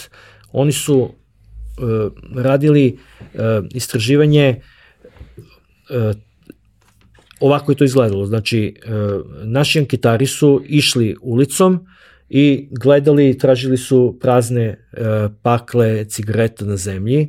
Svaku paklu koju su našli E, stavljali su jednu posebnu kesicu, ozna, označili e, lokaciju na kojoj je ta paklica pronađena, da li je, ne znam, crveni, zlatni, e, stojes, tvrdo pakovanje, meko pakovanje i e, onda smo mi to sve sakupljali, znači sa nekih 50 ili više čak lokacija u, u zemlji iz 50 gradova, to sve slali u, ovde u centralu u, u, u Beograd, i onda su oni dalje obrađivali te podatke, unosili gde se to nalazi. Mislim, e, ja ne znam ta, tačno koji je bio njihov, e, koji je bio cilj tog istraživanja, ali pretpostavljam da je bilo u vezi sa švercom cigareta u to vreme. To je bila recimo 2002. 3. godine. To mi je možda ono i dalje jedno od naj, najinteresantnijih istraživanja koje nije ono klasično istraživanje, ja pričam sa tobom na neku temu, ti mi daješ odgovore, već eto, nije ni čak ni posmatranje, nije ni,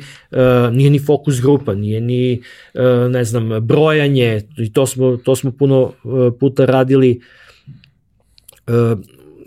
jedan veliki uh, trgovinski lanac otvarao je seriju, veći broj svojih, svojih prodajnih objekata u zemlji i onda su želeli na, na lokaciji gde su planirali da otvore uh, taj prodajni objekat, da vide koji je protok uh, ljudi, automobila i tako dalje. I znaš kako se to radi? Veoma prosto, tako što ti postaviš u dve smene ljude koji sede i broje koliko je ljudi prošlo na toj lokaciji, koliko je ljudi sa, e, na biciklima prošlo, koliko je automobila prošlo. I posle, kada, ako posmatraš, ne znam, dva radna dana i dva dana vikenda, ti imaš apsolutnu projekciju ko je to broj ljudi na mesečnom nivou, na godišnjem nivou, koji prolazi pored te lokacije, koliko je to više ili manje od lokacije prvog konkurenta pored tebe, svog, to, tog tvog konkurenta, i tako dalje. Mislim, vrlo je tu bilo interesantnih, interesantnih stvari. E, šta je u posljednje vreme, da kažemo, kada, kada to radiš samostalno sa, sa tvojim timom, šta je u posljednje vreme bilo, bilo interesantno i kao um, projekat, ali i kao um, zanimljiv, zanimljiva informacija sa, sa tržišta. Te prosto kao ne očekuješ da će to biti tako, ja, ja stalno volim sebe da testiram kad su te mm. stvari u pitanju, da je ono kao kad znam da će se nešto raditi, ja uzmem i napišem šta mislim da će da bude mm.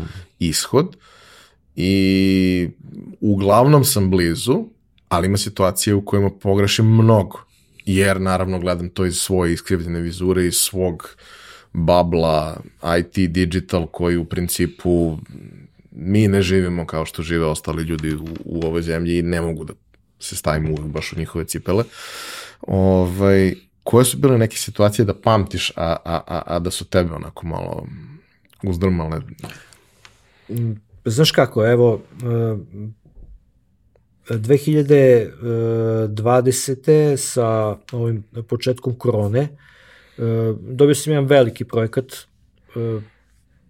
istraživanje u 20 gradova i opština sa predstavnicima građana. Znači prvi put smo tada radili online fokus grupe i u, baš u to neko vreme, možda pre toga, ali mi smo koristili, koristili smo Zoom i on je, on je značajno, ta aplikacija je značajno do, doprinela da se e, potpuno promeni u zadnjih nekoliko godina e, to kako se fokus grupe rade. Danas i sve velike agencije, ma, male agencije, sve što može da se radi online se radi online. I to je mnogo jedna važna, važna stvar. Ako je, ako je nečemu ta korona doprinela, ona je doprinela digitalizaciji u ovom, u ovom našem uh, poslu. Jer ovo ti samo govorim kao uvod, da isprečiću ti te neke, ne, te neke zaključke tog istraživanja. Uh, suština je u, u, u tome da uh, su klijenti dobili mogućnost po prvi put da se istraživanje ne rade samo u velikim e, centrima, već da ti ispitanici mogu budu iz najmanjih gradova, iz najmanjih sela. Digitalizacija i e, razvoj interneta zadnjih deset, desetak i više godina jako je doprineo tome da sad praktično u svakom selu u Srbiji imaš internet ili bar u, u većini i da zapravo i, i ti svi ljudi mogu da učestvuju e, jednako na jednak način u, u istraživanjima, a do samo pre par godina to su bili isključivo ono Beograd, Novi Sad, e, ponekad Niš i to kad ih ono ne, ne mrzi da, da dođu baš do, do Niša istraživači e, i eventualno Kragovac i to je to. Na ovaj način se otvorila mogućnost da se radi pre svega u tim, da kažem, regionalnim centrima, ali i u svakom gradu i svakom selu. Mi smo radili istraživanje na temu e, korupcije i na temu odnosa građana i lokalne samouprave u, e, u tih 20 opština. Tom e, fokus grupama prethodilo je jedno e, desk istraživanje, to je zapravo bio online mystery shopping, gde e, su naši E, anketari e, posećivali sajtove lokalnih samouprava i na tim sajtovima na seriju pitanja odgovarali sa da ne, da li postoji objava, ne znam, budžeta, da li je budžet usvojen, da li je objavljeno o tome, da li je objavljena rasprava o donošenju budžeta i tako dalje. Znači, ta neka sva pitanja koje su čak e, lokalne samuprave u obavezi da, da, da e, iz, izbacuju na sajt, a mnoge, mnoge to ne rade. Onda je na, nastavljeno je bilo sa, da kažem, tim e, fokus grupama sa građanima i završili smo e, dubinskim intervjuima sa predstavnicima lokalnim samu, lokalnih samuprava. Znači, ja sam se posle tih 20 gradova e, osjećao prilično loše zato što e, ta percepcija građana o nivou korupcije, zapravo kolika je zapravo korupcija na lokalu, kolika je zapravo centralizacija i koje je ogroman uticaj centralizacije na to kako i lokalne samuprave i kako ljudi uopšte funkcionišu van, van Beograda, to je meni bilo onako veoma, veoma zastrašujuće. I mi ćemo sad za, za mesec dana da ponovimo to istraživanje, pa ćemo da vidimo da li se nešto pozitivno desilo umeđu vremenu, da li je došlo do nekih promena, ali e, to je jedan veliki, zapravo veliki problem. E, evo, mislim, danas sam posle nekoliko godina došao u Beograd i e, Beograd je, mislim, sjajan, on je stvarno, vidi se da, da se tu nešto, nešto ozbiljno radi i e, meni će Beograd uvek biti ono najbolje mesto za neki turistički dolazak, da dovedem, da i sam da odem do, da obiđem muzeje, da, da e, svoju decu da vidimo, ne znam, da odem u zoološki vrt i tako dalje. Ali e, sve sam, sve sam bliži, da kažem, tome da je da mi je decentralizacija u narednom periodu jedna veoma važna tema kojom, kojom želim da se, da se, da se bavim. I to ima, i, i nadam se da ćemo raditi dovoljno istraživanja da, da pokazujemo stalno da, da je tu neophodno da se neke stvari menjaju. Beograd je džungla i ono, odrastao sam u njemu, živim ceo život u njemu i ne bih ga menjao. Možda bih menjao neke stvari koje se dešavaju, ali okej, okay, ono, ne, ne bih ga na kraju dana menjao i ima toliko sadržaja i svega još samo da ima infrastrukturu koja može da istrpi ovoliki broj ljudi i sve yes, bi yes. bilo super. Recimo parking, na primjer. Nisam da. se možda ni sto puta do sad žalio na parkingu podcastu, ali dobro. Uh, pominjao si neke od uh, alata koji se koriste u istraživanju tržišta. Postoje mnogo različitih načina na koje je moguće uraditi jedno istraživanje. Postoje uh, situacije u kojima se istraživanje radi na više različitih načina istovremeno, pa se onda ti podaci porede, ukrštaju i tako dalje.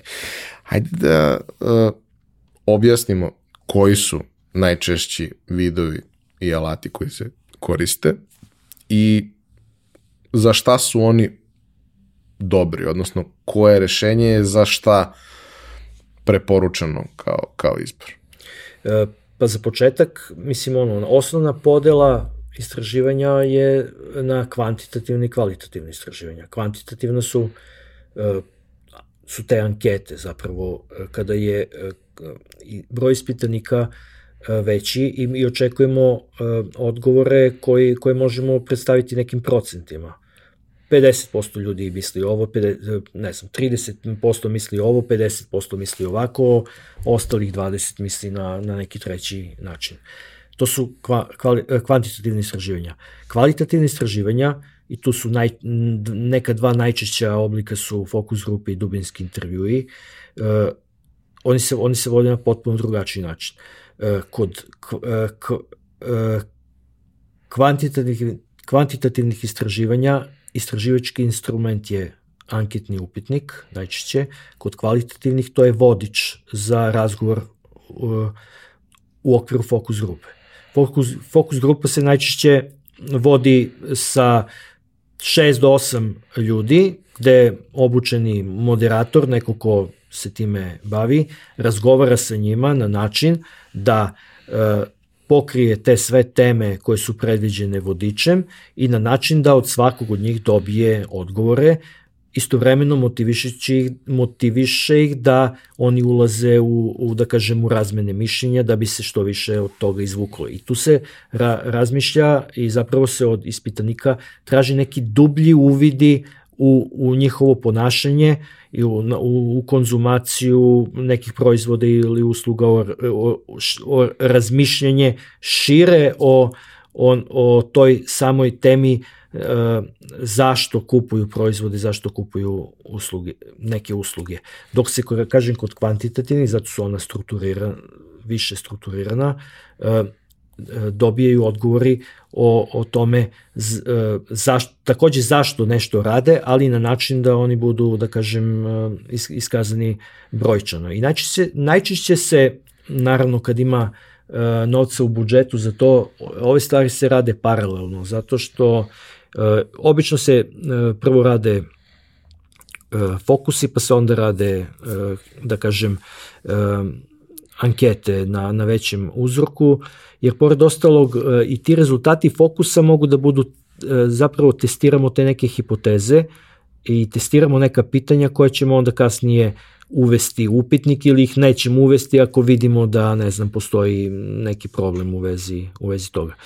Mm, brojni su, da kažem, alati e, od Google Formi, koji su za, za e, dosta stvari dovoljno dobar alat, jer on daje mogućnost da ljudi ne znam, odgovore na, izaberu jednu stvar ili više stvari ili da nešto stave u, na, u neki rang ili e, tako dalje i da i to možda se distribuira da kažem neograničenom broju E, ispitanika koliko, koliko znam. Međutim, e, Google forme imaju možda tek nekih dvadesetak ili možda čak i manje tipova pitanja. E, ozbiljni istraživački alati, moj favorit je Survey Gizmo. Oni, oni imaju, ja mislim, već preko 50 različitih oblika pitanja, ali takođe i mogućnost da se dobijeni odgovori uh, dalje analiziraju, da, da, se, da se ti podaci čiste, da se oni doteruju, sređuju i pripremaju za, da kažem, za taj neki konačni izveštaj, pa čak i da taj konačni izveštaj bude u nekom obliku uh, koji je daleko bolji nego što su, što su Google forme. Uh, kažem, što se tiče fokus grupa, one su se ranije uh, radile u, u studijima koji su za to bili namenjeni to je, mislim, jedan, jedan da kažem, e, e, radni sto, oko koga su, ne znam, šest ili osam stolica, plus mesto za moderatora. E, tu je ono jednosmerno gledalo iza kog sedi klijent i gleda šta se, kako se ta fokus grupa odvija i oni su, uvek su se fokus grupe snimale kako bi se kasnije vadili transkripti i dalje analizirale, analizirali odgovori ispitanika. Danas razvojem tehnologije to je značajno, da kažem, uh, ubrzano je i pojednostavljeno je, jer Zoom on sam snima, kvalitet zvuka je često daleko bolji nego kada mi imamo jedan mikrofon na stolu, a da je potrebno da više ljudi nešto, nešto govori, često ljudi govore jedni drugima upadaju u reč. E, I e, Međutim, e, jedino što se tu, da kažem, izgubilo, što i dalje nemoguće raditi preko e, Zuma, su one istraživanja kada je potrebno nešto testirati, kada je potrebno, ne znam, probati kafu ili probati neki, neki novi slatkiš ili oceniti pakovanje, nekad je potrebno uzeti to pakovanje u, u ruke pa pogledati i razmisliti o tome. Mada se i to, da kažem, radi tako što se naj, onima koji će učestvovati u istraživanjima pošalje se nekoliko dana pre toga pakovanja, pa oni imaju kod sebe da mogu da to malo bolje pogledaju i razmotre. Ali, e, eto, to su ne, neke vrste istraživanja. Pomenuo sam malo pre e, posmatranje ili observaciju. To je, mislim, jedna osnovna, ali s druge strane jedna veoma, veoma važna uh, jedan veoma važan oblik istraživanja, jer mi s posmatranja možemo mnogo što što da, da, da zaključimo. I to je deo uh, ovih mystery shopper uh, istraživanja, jedan važan deo, gde uh, mi čak ne moramo ni da, da, da pričamo sa onima sa ko, kod kojih gledamo da li oni rade stvari na, na pravi način.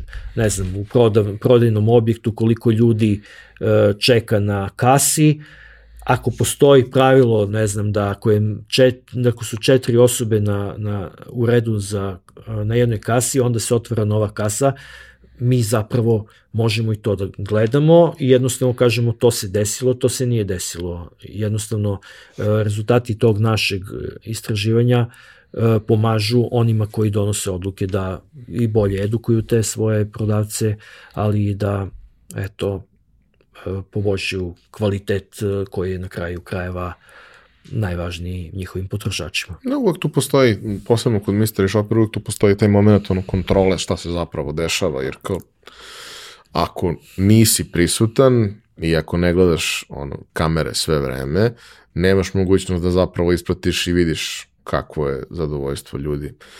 Ono što, što je negde e-commerce ekspanzija u prethodne dve godine dosta donela je da zapravo sada sve češće ljudi pitaju svoje kupce ono, automatizovano da. 5 dana nakon kupovine, 3 dana nakon kupovine, da li ste zadovoljni, da li je paket stigo kako treba, da li je sve ok. To nije istraživanje, ali to jeste alat da ti dobiješ povratnu informaciju od ljudi, da znaš zapravo kako je nešto, da ne pretpostavljaš i da se ne oslanjaš samo na to kad ti oduševljeni korisnik nešto napiše ili nezadovoljni korisnik da. napiše. Da. To su ekstremi u svim onim ostalim situacijama ljudi ti neće poslati svoje mišljenje. Da. Pa jeste, to, je, to jeste, e, da kažem, izvestan problem, zato što e, pit, pitanje broja ljudi koji će odgovoriti ako, nisu, ako su zadovoljni, ako nisu nezadovoljni je jako mali.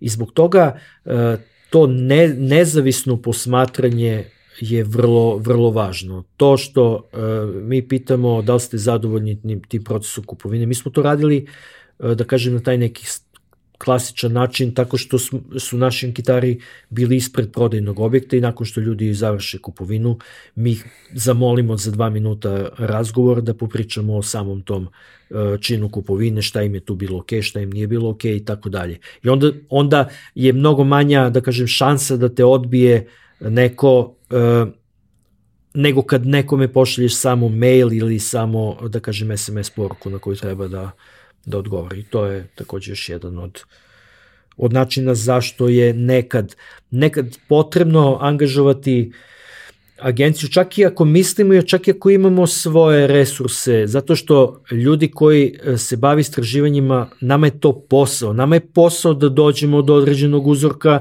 mi nećemo stati na pola, mi nećemo da se zadovoljimo sa uh, onim što nije, da kažem, reprezentativni uzrok ili krene, ili ćemo krenuti da radimo, ne znam, tu kampanju uh, mailovima, to me često pitaju, evo mi imamo kao bazu podataka, jel bismo mogli mi da pošaljemo tim našim klijentima mail? Pa možete da pošaljete, ali računajte na odziv od 10% ili od 12%. Ako je to dovoljno, onda je sasvim ok. Ako nije, onda je važno uključiti još neki, da kažem, način motivacije ljudi ili podstrek da oni odgovore na, na vaše pitanja. Znači, mi ih često zovem. Naročito kad su recimo biznis to biznis istraživanja i sad ti je potrebno da dobiješ odgovore, ne znam, na temu tehnologije od, od ljudi koji se, koji su, ne znam, e, zaduženi za to u nekoj, u nekoj firmi.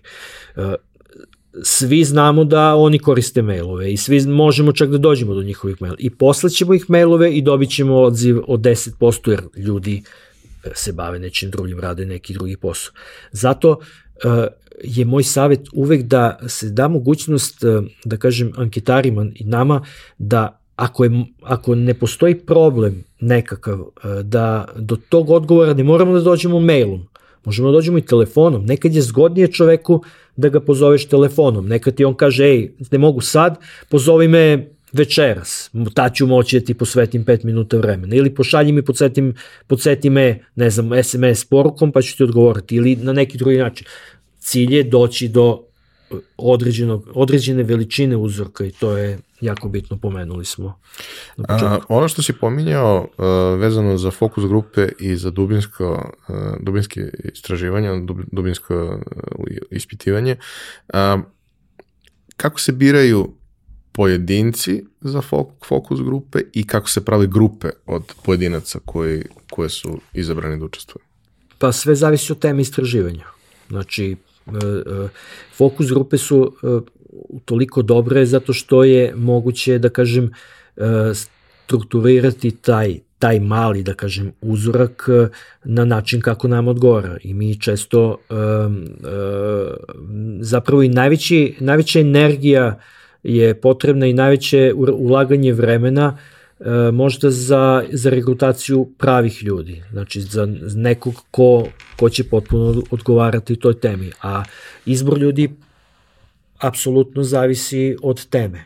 Znači, evo recimo konkretno kod ovog istraživanja koje sam pomenuo, u, o odnosu građana i lokalne samuprave, e, mi smo definisali projektnim zadatkom da e, u toj grupi otprilike budu dve osobe koji su preduzetnici, da budu dve osobe koji su mladi studenti, koji su studenti, da budu dve osobe koje su zaposlene na bilo kom drugom nekom mestu i da budu, ne znam, e, dve osobe koje su starije od 65 godina, recimo penzioneri. I sad, pošto smo mi imali, da kažem, male budžete, puno posla i mnogo tih, da kažem, gradova i opština, mi smo sve te ljude strpali u jednu grupu, ali je moderator jasno imao uvid u to ko su ti ljudi, ko će, e, ko će doći, mislim to, da su preduzetnici ili su, ne znam, mladi, i u odnosu na to je e, razgovor e, vodio sa njima. Dakle, s jedne strane da imamo kao celinu odgovore na neka pitanja koje su definisane vodičem, ali takođe i e, shodno tome kojoj, kojoj, kom segmentu ti ljudi pripadaju. Nije, ne, ne možemo na isti način da, raz, da razgovaramo i o istim temama sa preduzetnicima i sa, ne znam, studentima ili sa mladima ili i sa starima. Te, teme, pod teme su bile različite da bi se te neke male, da bi se kockice složile da na kraju imamo jednu širu sliku. I, idealno je bilo da mi za svaki grad imamo četiri različite grupe, pa u jednoj da budu samo preduzetnici, u drugoj da budu samo, ne znam, penzioneri, dobili bismo više kvalitetnih e, informacija, ali često budžeti nisu dovoljno to je skoro uvek ve, dovoljno veliki da možemo na taj način da formiramo fokus grupe. Jedna od stvari koje sam ja e, pokupio ovaj, istražujući o svemu tome, čitajući o svemu tome, je da u suštini e, kvantitativna istraživanja služe da ti kažu e, kako i koliko, a ova ostala kvalitativna da ti kažu zašto. Pa jeste, mada e, to odgovor na pitanje zašto e, mi možemo da dobijemo i u, u, u kvantitativnim istraživanjima. E, serijom nekih pitanja i grupom pitanja možemo da dobijemo odgovor zašto neko to nešto radi. Čak i sa sigurnošću da nije dao sasvim ono slučajno odgovor na samo jedno pitanje, zato postoji niz pitanja koja potvrđuju tu tezu ili su nastavak na to jedno, na jedan taj odgovor, možemo na osnovu odgovora na, na neko jedno pitanje, zamisli ono, po, po, bilo koje pitanje, imamo odgovor od 1 do 5, ako on odgovori 4, na, njemu može se postavi pitanje koje ima veze sa konkretnim tim odgovorom i tako niz tih pitanja da mi dobijemo odgovor na, da kažem, i na pitanje zašto. I to je vrlo važno, zapravo suština ovih marketinških i društvenih istraživanja je odgovor na pitanje zašto, a to je recimo nešto što e, na, na šta teško može ili ne može da daju odgovor automatizovana istraživanja kao što je Google Analytic ili neka, neka slična. Mi tu možda dobijemo podatke, možda da dobijemo koliko, šta, ali zašto je neko posetio baš tu stranicu posle ove stranice, to teško možemo. Uvek kada pričamo o, o podacima iz analitike, oni, oni nam služe da postavimo hipoteze koje testiramo tako što pitamo ljude ili jest, pokažemo jest. im nešto i vidimo šta se dešava u tom, u tom slučaju. Uh, jedna od stvari koja je uvek bitna kada pričamo na ovakve teme je to da da se ne lažemo, ljudi lažu. Ljudi lažu mnogo. Posebno ako su to neke stvari o kojima im nije pretjerano prijatno da, da pričaju. To ono, ako pitaš ljude koliko knjiga čitaju, taj rezultat će biti mnogo drugačiji od onoga koliko je knjiga prodato i uzeto iz biblioteke i tako dalje. Da ne pričam sad o nekim još kompleksnijim uh, temama. Uh, postoje metodologije kojima se prevazilaze ili makar lokalizuju ta vrsta problema. Naravno, uh, kada pitaš ljude da li nešto rade, tebi je bitno i da ti kažu da li to rade. Pa sad, uh, iako lažu, ne, dao si im temu za razmišljanje pa će možda promene svoje problematično ponašanje, ali uh, na koji način metodološki vi pokušavate da rešite to da taj subjektivni moment i ta želja da se napravi ovaj, slika drugačijom nego što jeste, uh, ne utiče preterano na krajnji rezultat. E, ti si tu potpuno u pravu. E, I postoje, postoje brojni načini da se to uradi. Naj, e, najveći, da kažem, izazov e, je često kod evo sad, sad su bili izbori pa su rađena brojna politička istraživanja i e, verovatno si sam vidio da su gotovo sve agencije jako, jako dobro e, da kažem izmerile javno mnjenje i gotovo u procenat. Dakle, oni su uspeli u tome da e, e, da dobiju, u tome da dobiju odgovore koji nisu samo ono poželjni, nego koji su istiniti, koji su tačni. Evo konkretno, uz, i, i mi smo u okviru našeg online panela radili delimično neka, neka istraživanja za, za, za potrebe predizbornih uh, tih istraživanja.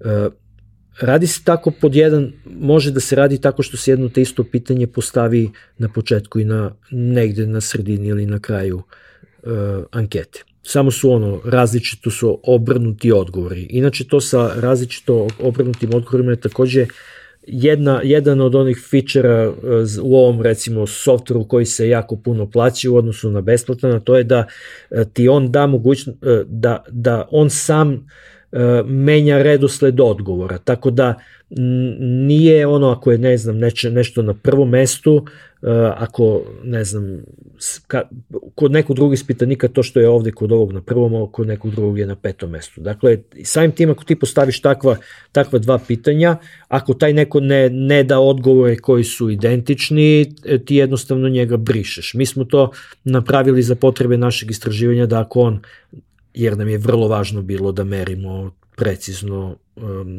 ta predizborna, da kažem, stavove građana, uh, jednostavno ga isključimo. I tog panelistu uh, od, otpišemo ga, znači i više mu ne šaljemo, ne šaljemo ankete.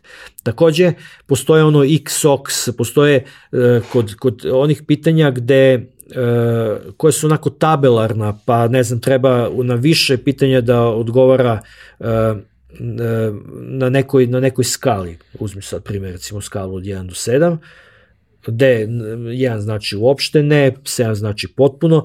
Ljudi koji hoće da prevare sistem, oni jednostavno to nasumično, da kažemo, e, e, zaokružuju i to obično bude ili to rade ovako, ili rade, znaš, ono pravo, ili u cik-cak, ili to su neka pravila i to se jednostavno opet kažem ti kvalitetni softveri oni to prepoznaju i on te upozori da je to urađeno. Druga, još jedna veoma važna stvar, Zna se kolika je prosečna dužina trajanja jednog odgovora na neki upitnik. Čak i na svako pitanje, i to je još jedna stvar koju radite i dobri softveri, uh, on, on meri dužinu odgovora na, na svako pitanje. Znači, vreme potrebno da ti pročitaš to pitanje i da to je sekunda, milisekunde ili već koliko deo sekunde da daš odgovor, ali on to sve meri. Ako ima bitnih odstupanja od dužine trajanja odgovora na, na neki upitnik, takođe se to uzima vrlo ozbiljno i, i jednostavno se ostranjuju i ti rezultati. Ima još, mislim, primjera, ali eto, to je nešto što i sami softveri mogu da reše.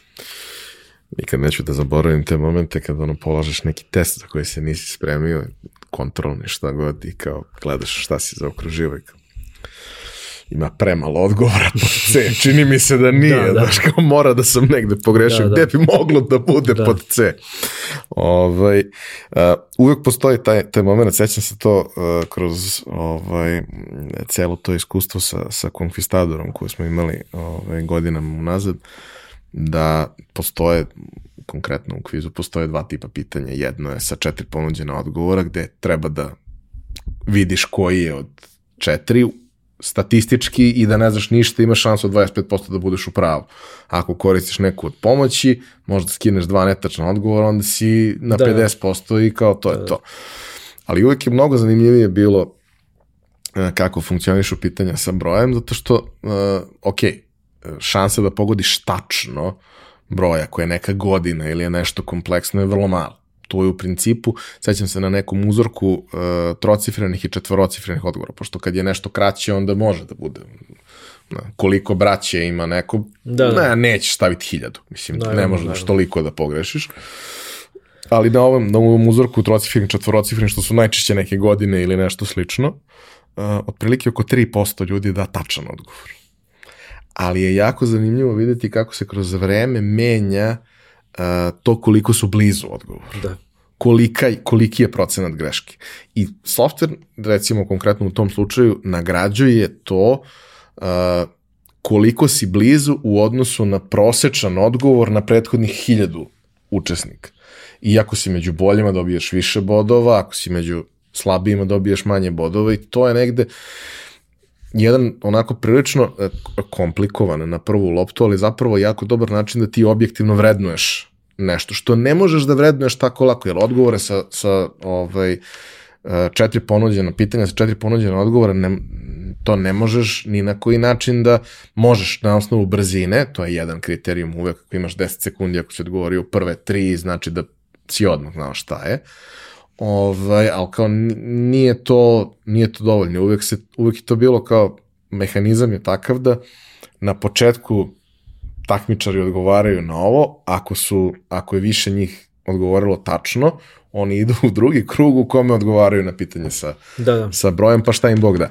Da, pa jeste to interesantno. Mislim, ovde kod istraživanja prvo to je ono, e, važno je e, ubediti, mislim da je to važnije od te, da kažem, kontrole uh, koja je ili softverska ili je, da kažem, predviđena upitnikom.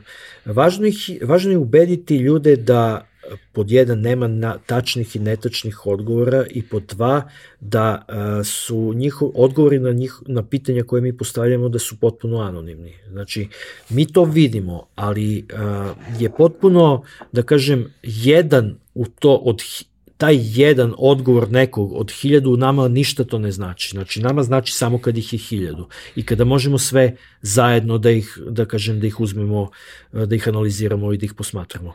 I vrlo je važno, naročito kod, kod ovih panela, pošto sada se sve više e, tih kvantitativnih anketa radi online i one se najčešće rade preko online panela. U Srbiji ih ima možda možda već i dvadesetak različitih tih firmi koje, se, koje imaju te svoje panele.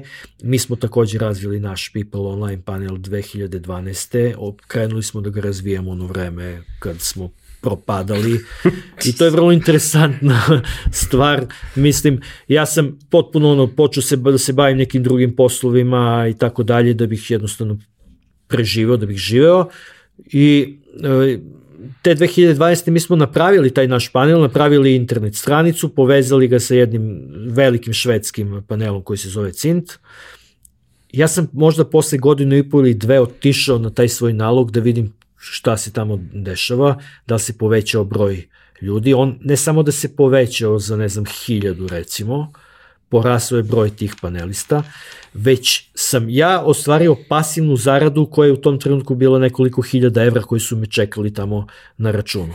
I to je, mislim, onda mi je to još jedan od, da kažem, e, tih motiva da se ponovo fokusiram i, i bacim na na istraživanja i zapravo sad sam potpuno svestan da je ovo, ovo je najbolji moment za, za razvoj ovog posla jer je došao sa uh, sa tom koronom i sa, sa time da se pre, prelazi sve na, na online, čak i svoju firmu sam jed, na, na, na naslovnoj stranici mog sajta sam napisao da smo mi 100% online istraživačka agencija i mi zapravo i jesmo.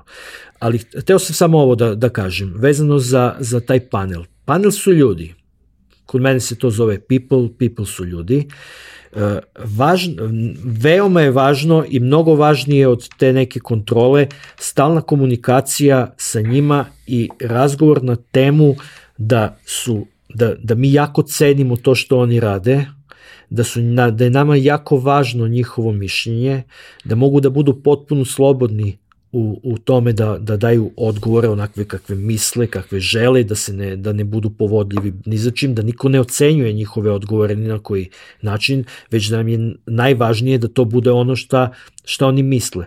Zato što jednostavno eh, oni dobiju novac za, za učešće u anketama, ali taj novac on je prilično simboličan i on će sve više biti sve više, više simboličan, a, a njima su potrebni dodatni motivi dodatni motivi zašto oni žele da, da rade ankete, zašto da učestvuju u istraživanjima. E, jer onda, znaš, ako, e, ako sad, ne znam, posmatramo neko ko je tu došao samo zbog para i kome je taj e, tih 50 ili 100 dinara koje su zaradili od ankete im je jako važno, to je jedna, da kažem, grupa ljudi. Ali u našem panelu ima najviše visoko obrazovanih ljudi koji već imaju neke svoje poslove, rade, čak imamo i magistri i doktore nauke. Dakle, oni ne rade to zbog para i to je, to je još jedna važna stvar da uh, i oni sami osveste, ali i mi da komuniciramo sa njima zašto ti to radiš. Zašto ja radim? Ja takođe radim, mislim, ankete u tom svom panelu da bih video koje sve anketa stižu, o čemu se tu radi i tako dalje. Znači, ja ih, ja ih popunjam. Tu ima mnogo uh, uh, elemenata uh, za razgovor ovako mi možemo pričamo o nekoj temi, možemo pričamo u kafani na neku interesantnu temu, koje o nečemu o čemu si ti radio, popunjavao anketu. I to je nekom, i to je nekom motiv. Mislim, bilo je vrlo onako interesantnih istraživanja i u poslednje vreme onako kao stvorenih za, za otvaranje neke teme za, za razgovor. Ne, ja uvek imam taj moment kad radim nešto da volim da znam ko šta pita. Mislim, da prvo šta, pošto obično ne znaš ko stoji iza toga. Da, pa ne znam ni ja često. Ovaj, a postoji onda i taj moment kad pogledaš to sve, uradiš i analiziraš, kad se, ok, kome bi ovo moglo da koristi? Pa jest. Baš me zanima ko se bavi time u, u, u ovom trenutku i dešavalo se x puta da kad ono, vidim da neko, obično, je to, obično su to neki diplomski radovi, to mm. nije taj tip istraživanja, ali da pitam, kao, ok, možeš mi pošalješ kad završiš. Da, da, da. Neću nikom da podelim, ali zanima. Jeste, to, to isto vrlo interesantno i, i mi smo krenuli da, da se time bavimo. Dakle, da nešto gde možemo da damo uvid u rezultate istraživanja u kome su učestvovali naši panelisti, da im damo. Ali ne samo to, nego uh, mi objavljujemo uh, imali smo na, ne znam, Instagramu i na Facebooku uh, neku seriju, da kažem, promotivnu seriju našeg panela gde smo uh, objavljivali rezultate drugih istraživačkih agencija nešto što je nama dostupno, a nešto što, bi, što, je, što je interesantno i što je deo, da kažem, tog svakodnevnog ponašanja ljudi. Ja, ja uh, počinjem sve više da insistiram na tome da je i taj posao popunjavanja anketa, rađenja, učestvovanja u panelu zapravo jedan lifestyle, jedan način života da si ti u, ti si u startu info, naj, e, osoba koja je mnogo više informisana od svih u tvom okruženju, jer e, se često testiraju stvari koje će tek da izađu na tržište, proizvodi koji će tek da izađu, ob, e, pakovanja koje će tek da izađu na tržište, e, često radimo i testiranje nekih spotova, vidiš prvi neki spot koji će da se pojavi na televiziji tek za par meseci ili neće da se pojavi na televiziji. Ako je, ako je suviše, ne znam, glup ili nije, nije ili uh, odgovor ispitanika to ne, da kažem, ne, ne potvrde tu hipotezu da je dobar da je dobar spot. Ima Tako da ono... sve je to vrlo, vrlo interesantno čak i iz ugla nekog ko eto, popunjava ankete. Da, vrlo često pokušavamo da dođemo do toga ovaj, ono, kako ljudi koriste nešto što smo mi osmislili, kako doživljavaju poruku koju smo smislili. Vrlo često od javnosti želimo da nam da donese odluku umesto nas koji je slogan najbolji, koji način da kažemo, režije, montaže nekog spota je možda adekvatan za ono što želimo da uradimo, da li da on bude dinamičniji ili da bude klasičan, onda će za televiziju verovatno biti klasičniji, a za digital će biti dinamičniji jer je priroda medija tako, to je ista poruka, to je isti materijal, samo nije na isti način prezentovan. I za sve te stvari možeš da se oslanjaš na neku svoju pretpostavku i u principu ovaj, kada je odokativna metoda u pitanju trenirano oko, obično ima bolji, bolju procenu, ali uvek mnogo mnogo pouzdanije i bolje oslanjati se na podatke nego na nekakav osjećaj u stomaku. Ovaj, naročito kada to možeš i kada ti je to dostupno. E, ti si u, u, u prethodnim godinama dosta znanja podelio, jer u suštini manje više svi ljudi koji se nečim bave ozbiljno imaju isti pristup tome, a to je uh, ukoliko nekome treba tako nešto, a nema resursa da to uradi kako valja, hajde nek makar nešto uradi sam, to će mu dati možda dovoljnu polaznu osnovu da malo poraste, a u tom procesu će da shvati da mu je ipak kad poraste i doraste do nekog ovaj, nivoa, da mu je ipak bolje i kvalitetnije da angažuje nekog ko će, ko će pomoći na svemu tome, a ti ćeš mu dati ulaznicu u taj svet. Ti ćeš mu pomoći da u startu uradi nešto što, što je ovaj, dovoljno dobro za, za sam početak. Uh, šta, šta bi savjetovo ljudima koji ono, iz bilo kog razloga imaju potrebu da uh, malo oslušnu svoju potencijalnu publiku, na koji način tome da pristupe ako nikad ništa nisu radili? E... Prosto o čemu bi trebalo da razmišljaju kada ulaze u tako nešto? Znaš kako, kada ono, e, česta, da kažem, greška velikog broja preduzetnika je ono da, da misle da su svi njihova publika, da su svi njihovi potencijalni kupci, da svako može da, da, to, da taj proizvod kupi. I zapravo, ako se obraćaš svima, ti se zapravo ne obraćaš nikom. I veće je, da kažem, e, šansa da e, unaprediš i prodaju i korišćenje svojih proizvoda i usluga tako što ćeš jasno definisati koje su to ciljne grupe kojima, kojima se ti obraćaš. Sad, većina nas, preduzetnika, to radimo, či, čitali smo o tome, e, razmišljamo aktivno na, na tu temu i krećemo da, da, da tako kažem, e, jednu po jednu tu ciljnu grupu definišemo. Uvek je bolje e, testirati i videti da li, je to, da su to zaista ciljne grupe, u kojoj su meri one značajne za naš biznis, da li uopšte ima smisla svima, čak i tako usko definisan, definisanim grupama od nekoliko ljudi se na ist, obraćati e, ist, i ulagati u svaku od njih e, određena sredstva e, ili, ili jednostavno e, to nije, nije potrebno i, i neophodno.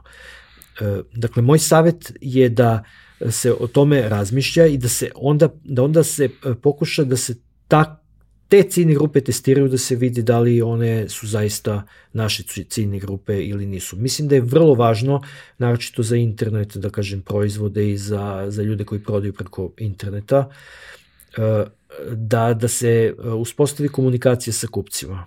Dakle, da se pokuša da se od njih dobiju dobiju odgovori, da, se, da oni budu u nekoj bazi e, podataka, da možemo da, da ih e, kontaktiramo, da im damo neki, neki popust, jer umesto da platimo, ne znam, agenciji, e, ne znam, 3 ili 4 ili 5 evra po tom ispitaniku, možemo mi da im damo 1 ili 2 evra po, po, po, po ispitaniku, on njima će značiti taj, taj popust, a mi ćemo od njih dobiti dosta odgovora na, na pitanja uh, koja će moći da, da taj naš biznis unapređuju. Mislim da je to neiskorišćen, da kažem, teren kod većine e, ku, prodavaca zapravo, čime god da se bave, da li imaju neki prodajni objekat na ulici, da li prodaju, ne znam, neke, neke proizvode krajnje potrošnje ili prodaju neke internet proizvode. Mislim da, da od toga treba, od toga treba krenuti od onih koji su nam već e, kupci, da pričamo sa njima jednostavno da vidimo šta, šta oni misle. I da znamo ko su. Da znamo ko su, pa da. Znači, mno, u mnogo slučajeva ne znamo. Mislim, nekad mail adresa nije sasvim dovoljna. Mislim, nije uopšte dovoljno ako, je, ako, ako je ne koristimo. Mi tražimo od njih da nam ostave mail adresu, oni nam ostave i mi, mi je ne koristimo ni za šta ili ne znamo ništa dalje od toga, obično ono, promo kod sa 10% popusta znači da će da sednu i da popune sve što treba i mi ćemo onda da znamo Tako i ko je. su i šta su i ono... Uh... To je samo alokacija sredstava, nismo ih uložili čak ni u, u plaćene istraživanja, nismo ih uložili u, u ne znam, uh, advertising, uložili smo ih u tog kupca koji, od kog ćemo dobiti mnogo više. On je već, on je već završio kupovinu. On, do njega je mnogo kas, lakše i kasnije, da kažem, doći. On će ponoviti tu kupovinu ako smo, ako uspostavimo dobre odnose sa... I pritom vrlo često taj moment kad mi njemu damo nekakav promo kod, ili popust ili šta god, e, znači da mu mi u suštini nismo dali ništa do trenutka dok on ne kupi sledeći put. Yes. A ok, sledeći put kad bude kupio imat ćemo manji profit, ali smo dobili neku vrednost sada odmah po tom pitanju, tako da što da ne, ima smisla probati. Uh, dobra, samo sam hteo ovo da ti kažem, dobra stvar o tih online panela jeste što mi uh, o svim tim ljudima, ja ih trenutno u People Online panelu ih ima pet, oko 5000 ljudi. Znači mi o njima imamo mnogo, mnogo informacija najrazličitih e, o, i o njihovom životnom e, stilu i o tome kako žive u kojim porodicama, šta voze, šta piju, koje proizvode vole, koje ne vole, da li imaju decu, da li nemaju decu, ako imaju decu, šta, ako imaju, ne znam, bebe, koje pelene koristi, tako dalje. Znači, ne, serija, mislim, sijaset nekih, da kažem, informacija koje su unapred dostupne, što nama omogućava da ako uh, potencijalni klijent ima uh, jasnu ili prilično jasnu sliku o tome ko je predstavnik njegove ciljne grupe. Mi možemo samo sa njima da, da uradimo anketu sa, to, s tim predstavnikom ciljne grupe. I njih ne grupe. mora da bude mnogo. I njih ne mora, onda ne mora da bude mnogo. Onda, onda je dovoljno 50 ili 100 njih ili 20 ili koliko je već uh, to veliki uzorak.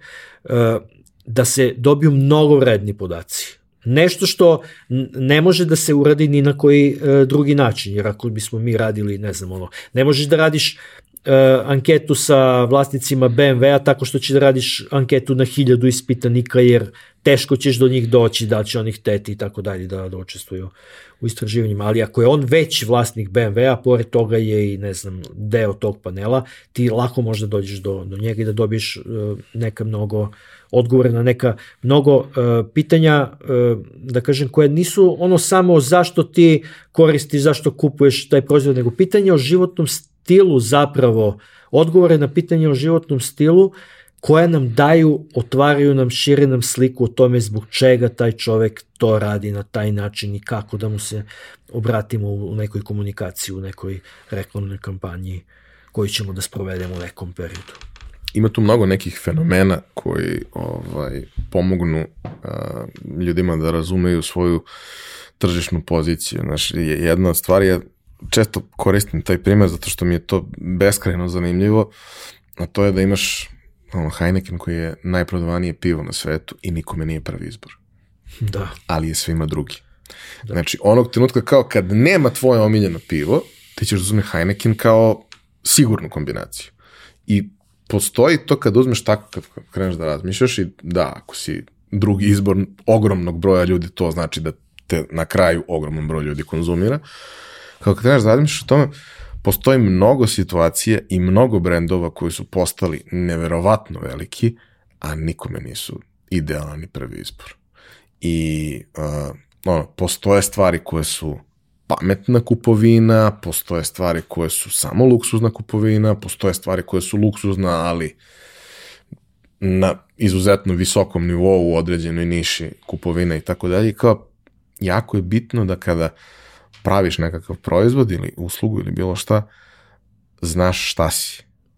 A da se ne, e, ne vodiš time što svi radimo, šta bi volao da budeš. Jer to je lepo, ali to nije važno na kraju dana. Znaš, često se dešava kad pričam sa, sa uh, malim preduzetnicima, oni su uvek zanimljivi, zato što su oni, uh, oni su, uh, kako da kažem, oni nisu otporni ni, ni na jedan problem, kod njih je sve vrlo vidljivo. Svaki, svaki ono, potencijalni uh, kamen spoticanja je kod njih onako sve vreme tu i na vrlo vidnom mestu. I onda kada pričaš sa njima, oni vrlo često ono, podležu uh, cognitive bias, ne znam kako se kaže na srpskom, ovaj, ali da, da, da imaš taj moment kada njih pitaš ko su tvoji kupci, iako on ima kontakt sa svakim kupcem koji je kupio, on kaže ono što se njemu najviše sviđa. Da. On misli da, ko, ko su tvoji kupci? Majke. Dobro. Koliko procenata? Sigurno 70-80. Onda analiziraš i shvatiš da je 30. Ali on pamti svaki taj kontakt zato što je njemu to drago, njemu je to važno i mm. to je super. On bi tačno. teo da oni budu da one budu njegovi kupci. I one jesu. I oni jesu, ali jesu u tom nekom manjem broju. Mislim. Ali ne onakvi kako ti to sebi predstavljaš. Da. I onaj moment kao, znaš, stalno to uh, pričamo, kao kad napraviš nešto novo i hoćeš da testiraš i to sve, onda kao kreneš sa prijateljima, što nije baš idealno mesto, ali okej. Okay.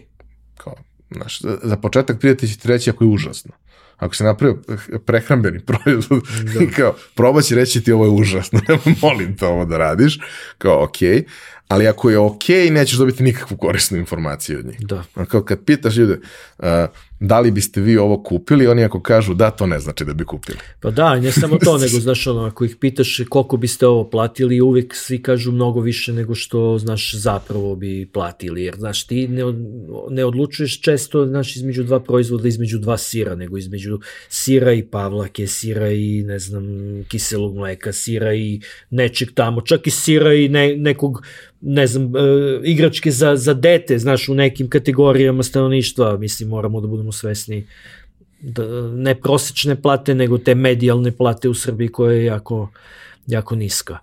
E, mislim da treba puno da se uči od onih koji su, a kad, kad god je to moguće, a opet ta istraživanja, mislim, eto, ja sad kad, kad to e, pričam sa tobom, ja bi najradije pozvao sve te male preduzetnike da budu deo panela i da oni radeći ankete uh, ono, Vide kapiraju šta on, kao što ti kažeš, šta ovaj čovjek hoće, aha, on to, viš kako je on to uradio. A, a to je jedini način da ti vidiš ako i sam radiš ankete. Mislim, a, da vidiš i taj redosled pitanja i na, na taj način ti sad bilduješ svoje znanje i stavljaš ga, da kažem, uh, do, dolaziš do, do, do, do situacije da možeš onda i sam to da uradiš na jedan kvalitetni način, ali što je mnogo važnije, ako si iole, da kažem, pametan, ti ćeš e, da vidiš kako to rade veliki, šta, na, na šta oni obraćaju pažnju.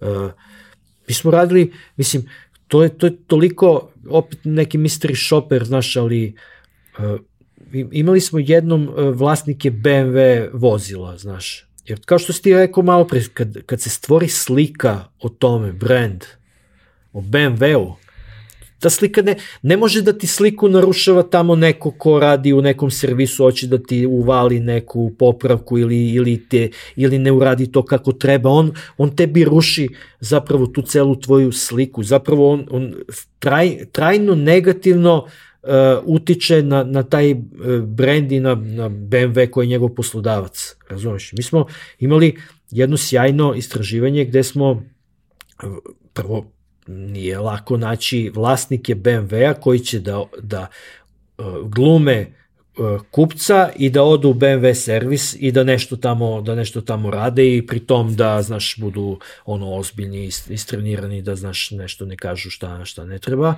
Mislim, e, oni su im dobijali tipa, ne znam, 100-200 eura para koje će pot, da potroše u, u, tom, u tom servisu.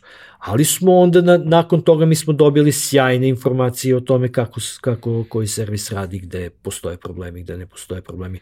Mislim, za, koji god primer da, da, da vide, odatle može puno da se nauči. Nešto što mogu da, da uradi sami, zapravo. Mislim, jedna od stvari koju si pomenuo, to je Zavod za statistiku koji redovno objavljuje sve što, mislim, ne sve što radi, ali objavljuje svašta nešto svake godine, kao jedna od omiljenih rituala svakog kvartala, otprilike, pri kraju kvartala kad se smire stvari, je da se odem na sajt i vidim šta je novo, koji su da. nove PDF-ovi da. dostupni i onda uzmem i prelistam to.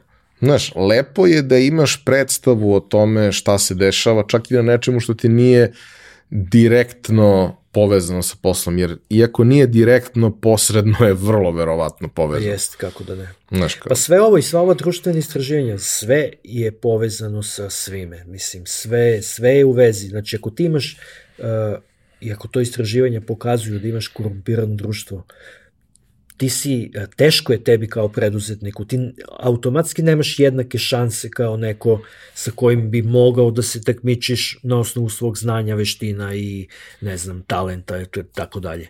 Kad, ne, kad se zna da će, ne znam, ova vina da, da se kupuje, a neće ova druga vina da se kupuju zato što su ovi iz ove vinarije bliski ovima i oni se svi razvijaju šire, a ti, mislim, jako je tvoje vino kvalitetno. Ili bilo koji drugi proizvod.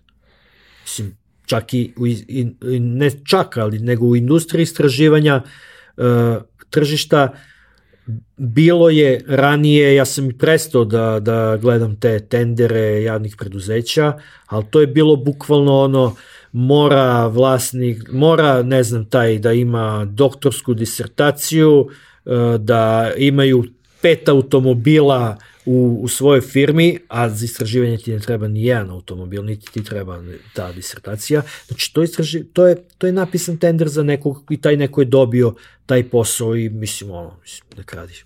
Šta, šta mi tu možemo?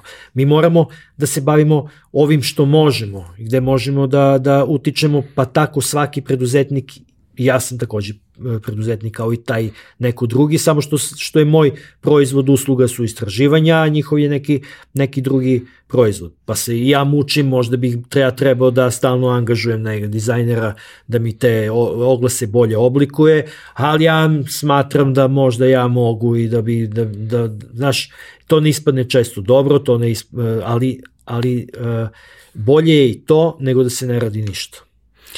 Zapravo, mora i tu da postoji, to smo i malo pre smo o tome pričali, mora da postoji neka, neka granica ispod čega nije uopšte dobro, bolje da ga ništa ne, ne radiš, a ako si prešao tu malu granicu, onda, onda ja podstičem preduzetnike da sami rade Minimalni neki standard da. kvaliteta. Minimalan standard kvaliteta, mislim, e, pomenuo si to moje pisanje pre svega na LinkedInu, To je ono e, potreba da se o tome e, piše na našem, da postoji neka informacija na našem jeziku. Moje, nis, nisam ja imao uh, želju da kažem i jasnu ambiciju, je sad ću ja to, zbog toga da dobijem, ne znam, toliko i toliko klijenata, već jednostavno toga nema. A znaš zašto nema? Pre svega. Zato što uh, U Srbiji postoje neke tri velike agencije koje imaju, da kažem, e, apsolutni monopol u, u, u tim poslovima. Tu rade većina ljudi koji su jako, jako kvalitetni, istraživači, da li psiholozi, ekonomisti i tako dalje. I oni imaju toliko posla da jednostavno oni nemaju vremena da pišu. A druga stvar, možda bi im trebalo, pošto to multinacionalne kompanije, dozvola da oni objavljuju te svoje radove pod svojim imenom i prezimom, to je takođe komplikovanje i niko neće time da se bavi, naročito zato što je to radi za nekog tamo drugog i što bi to radio. Nije im deo, da kažem, uh, radne obaveze i onda jednostavno ti, na, tako reći, na, u tom trenutku kad sam ja počeo da pišem, na srpsko-hrvatskom jeziku nije bilo uopšte tekstova o, o marketinškim istraživanjima. Tako da, i pored ostalog i zbog toga su mi ljudi prepoznali uh, kao neko ko se time bavi. E, Nikola, hvala ti. Mislim da smo pokrenuli neke teme za razmišljanje za, za mnogi ljude i nadam se da će ovaj, barem neko nakon ovoga uh, osetiti potrebu da malo bolje upozna svet oko sebe na jedan objektivan način, a ne samo na, na nivou ličnih impresija, na osnovu ovaj, onoga što čuje, vidi i dobije kao informaciju od svog neposrednog kruga ljudi koji je vrlo redko reprezentativan uzorak što, što ovaj, e, ti kažeš i tvoja struka kaže, ja stalno imam taj moment kad neko krene da mi objašnjava kako je neki proizvod koji se jako dobro prodaje, užasno glup, ja kažem, ne znam, brate, stvarno nisam ciljna grupa za to. Da. Stvarno nisam. Znači, vidim da postoji, vidim da kupuju ljudi, ali ti ljudi izgledaju i ponašaju se potpuno drugačije od mene. Sa druge strane, postoje proizvodi koji su meni interesantni, koji nikom drugom verovatno nisu interesantni.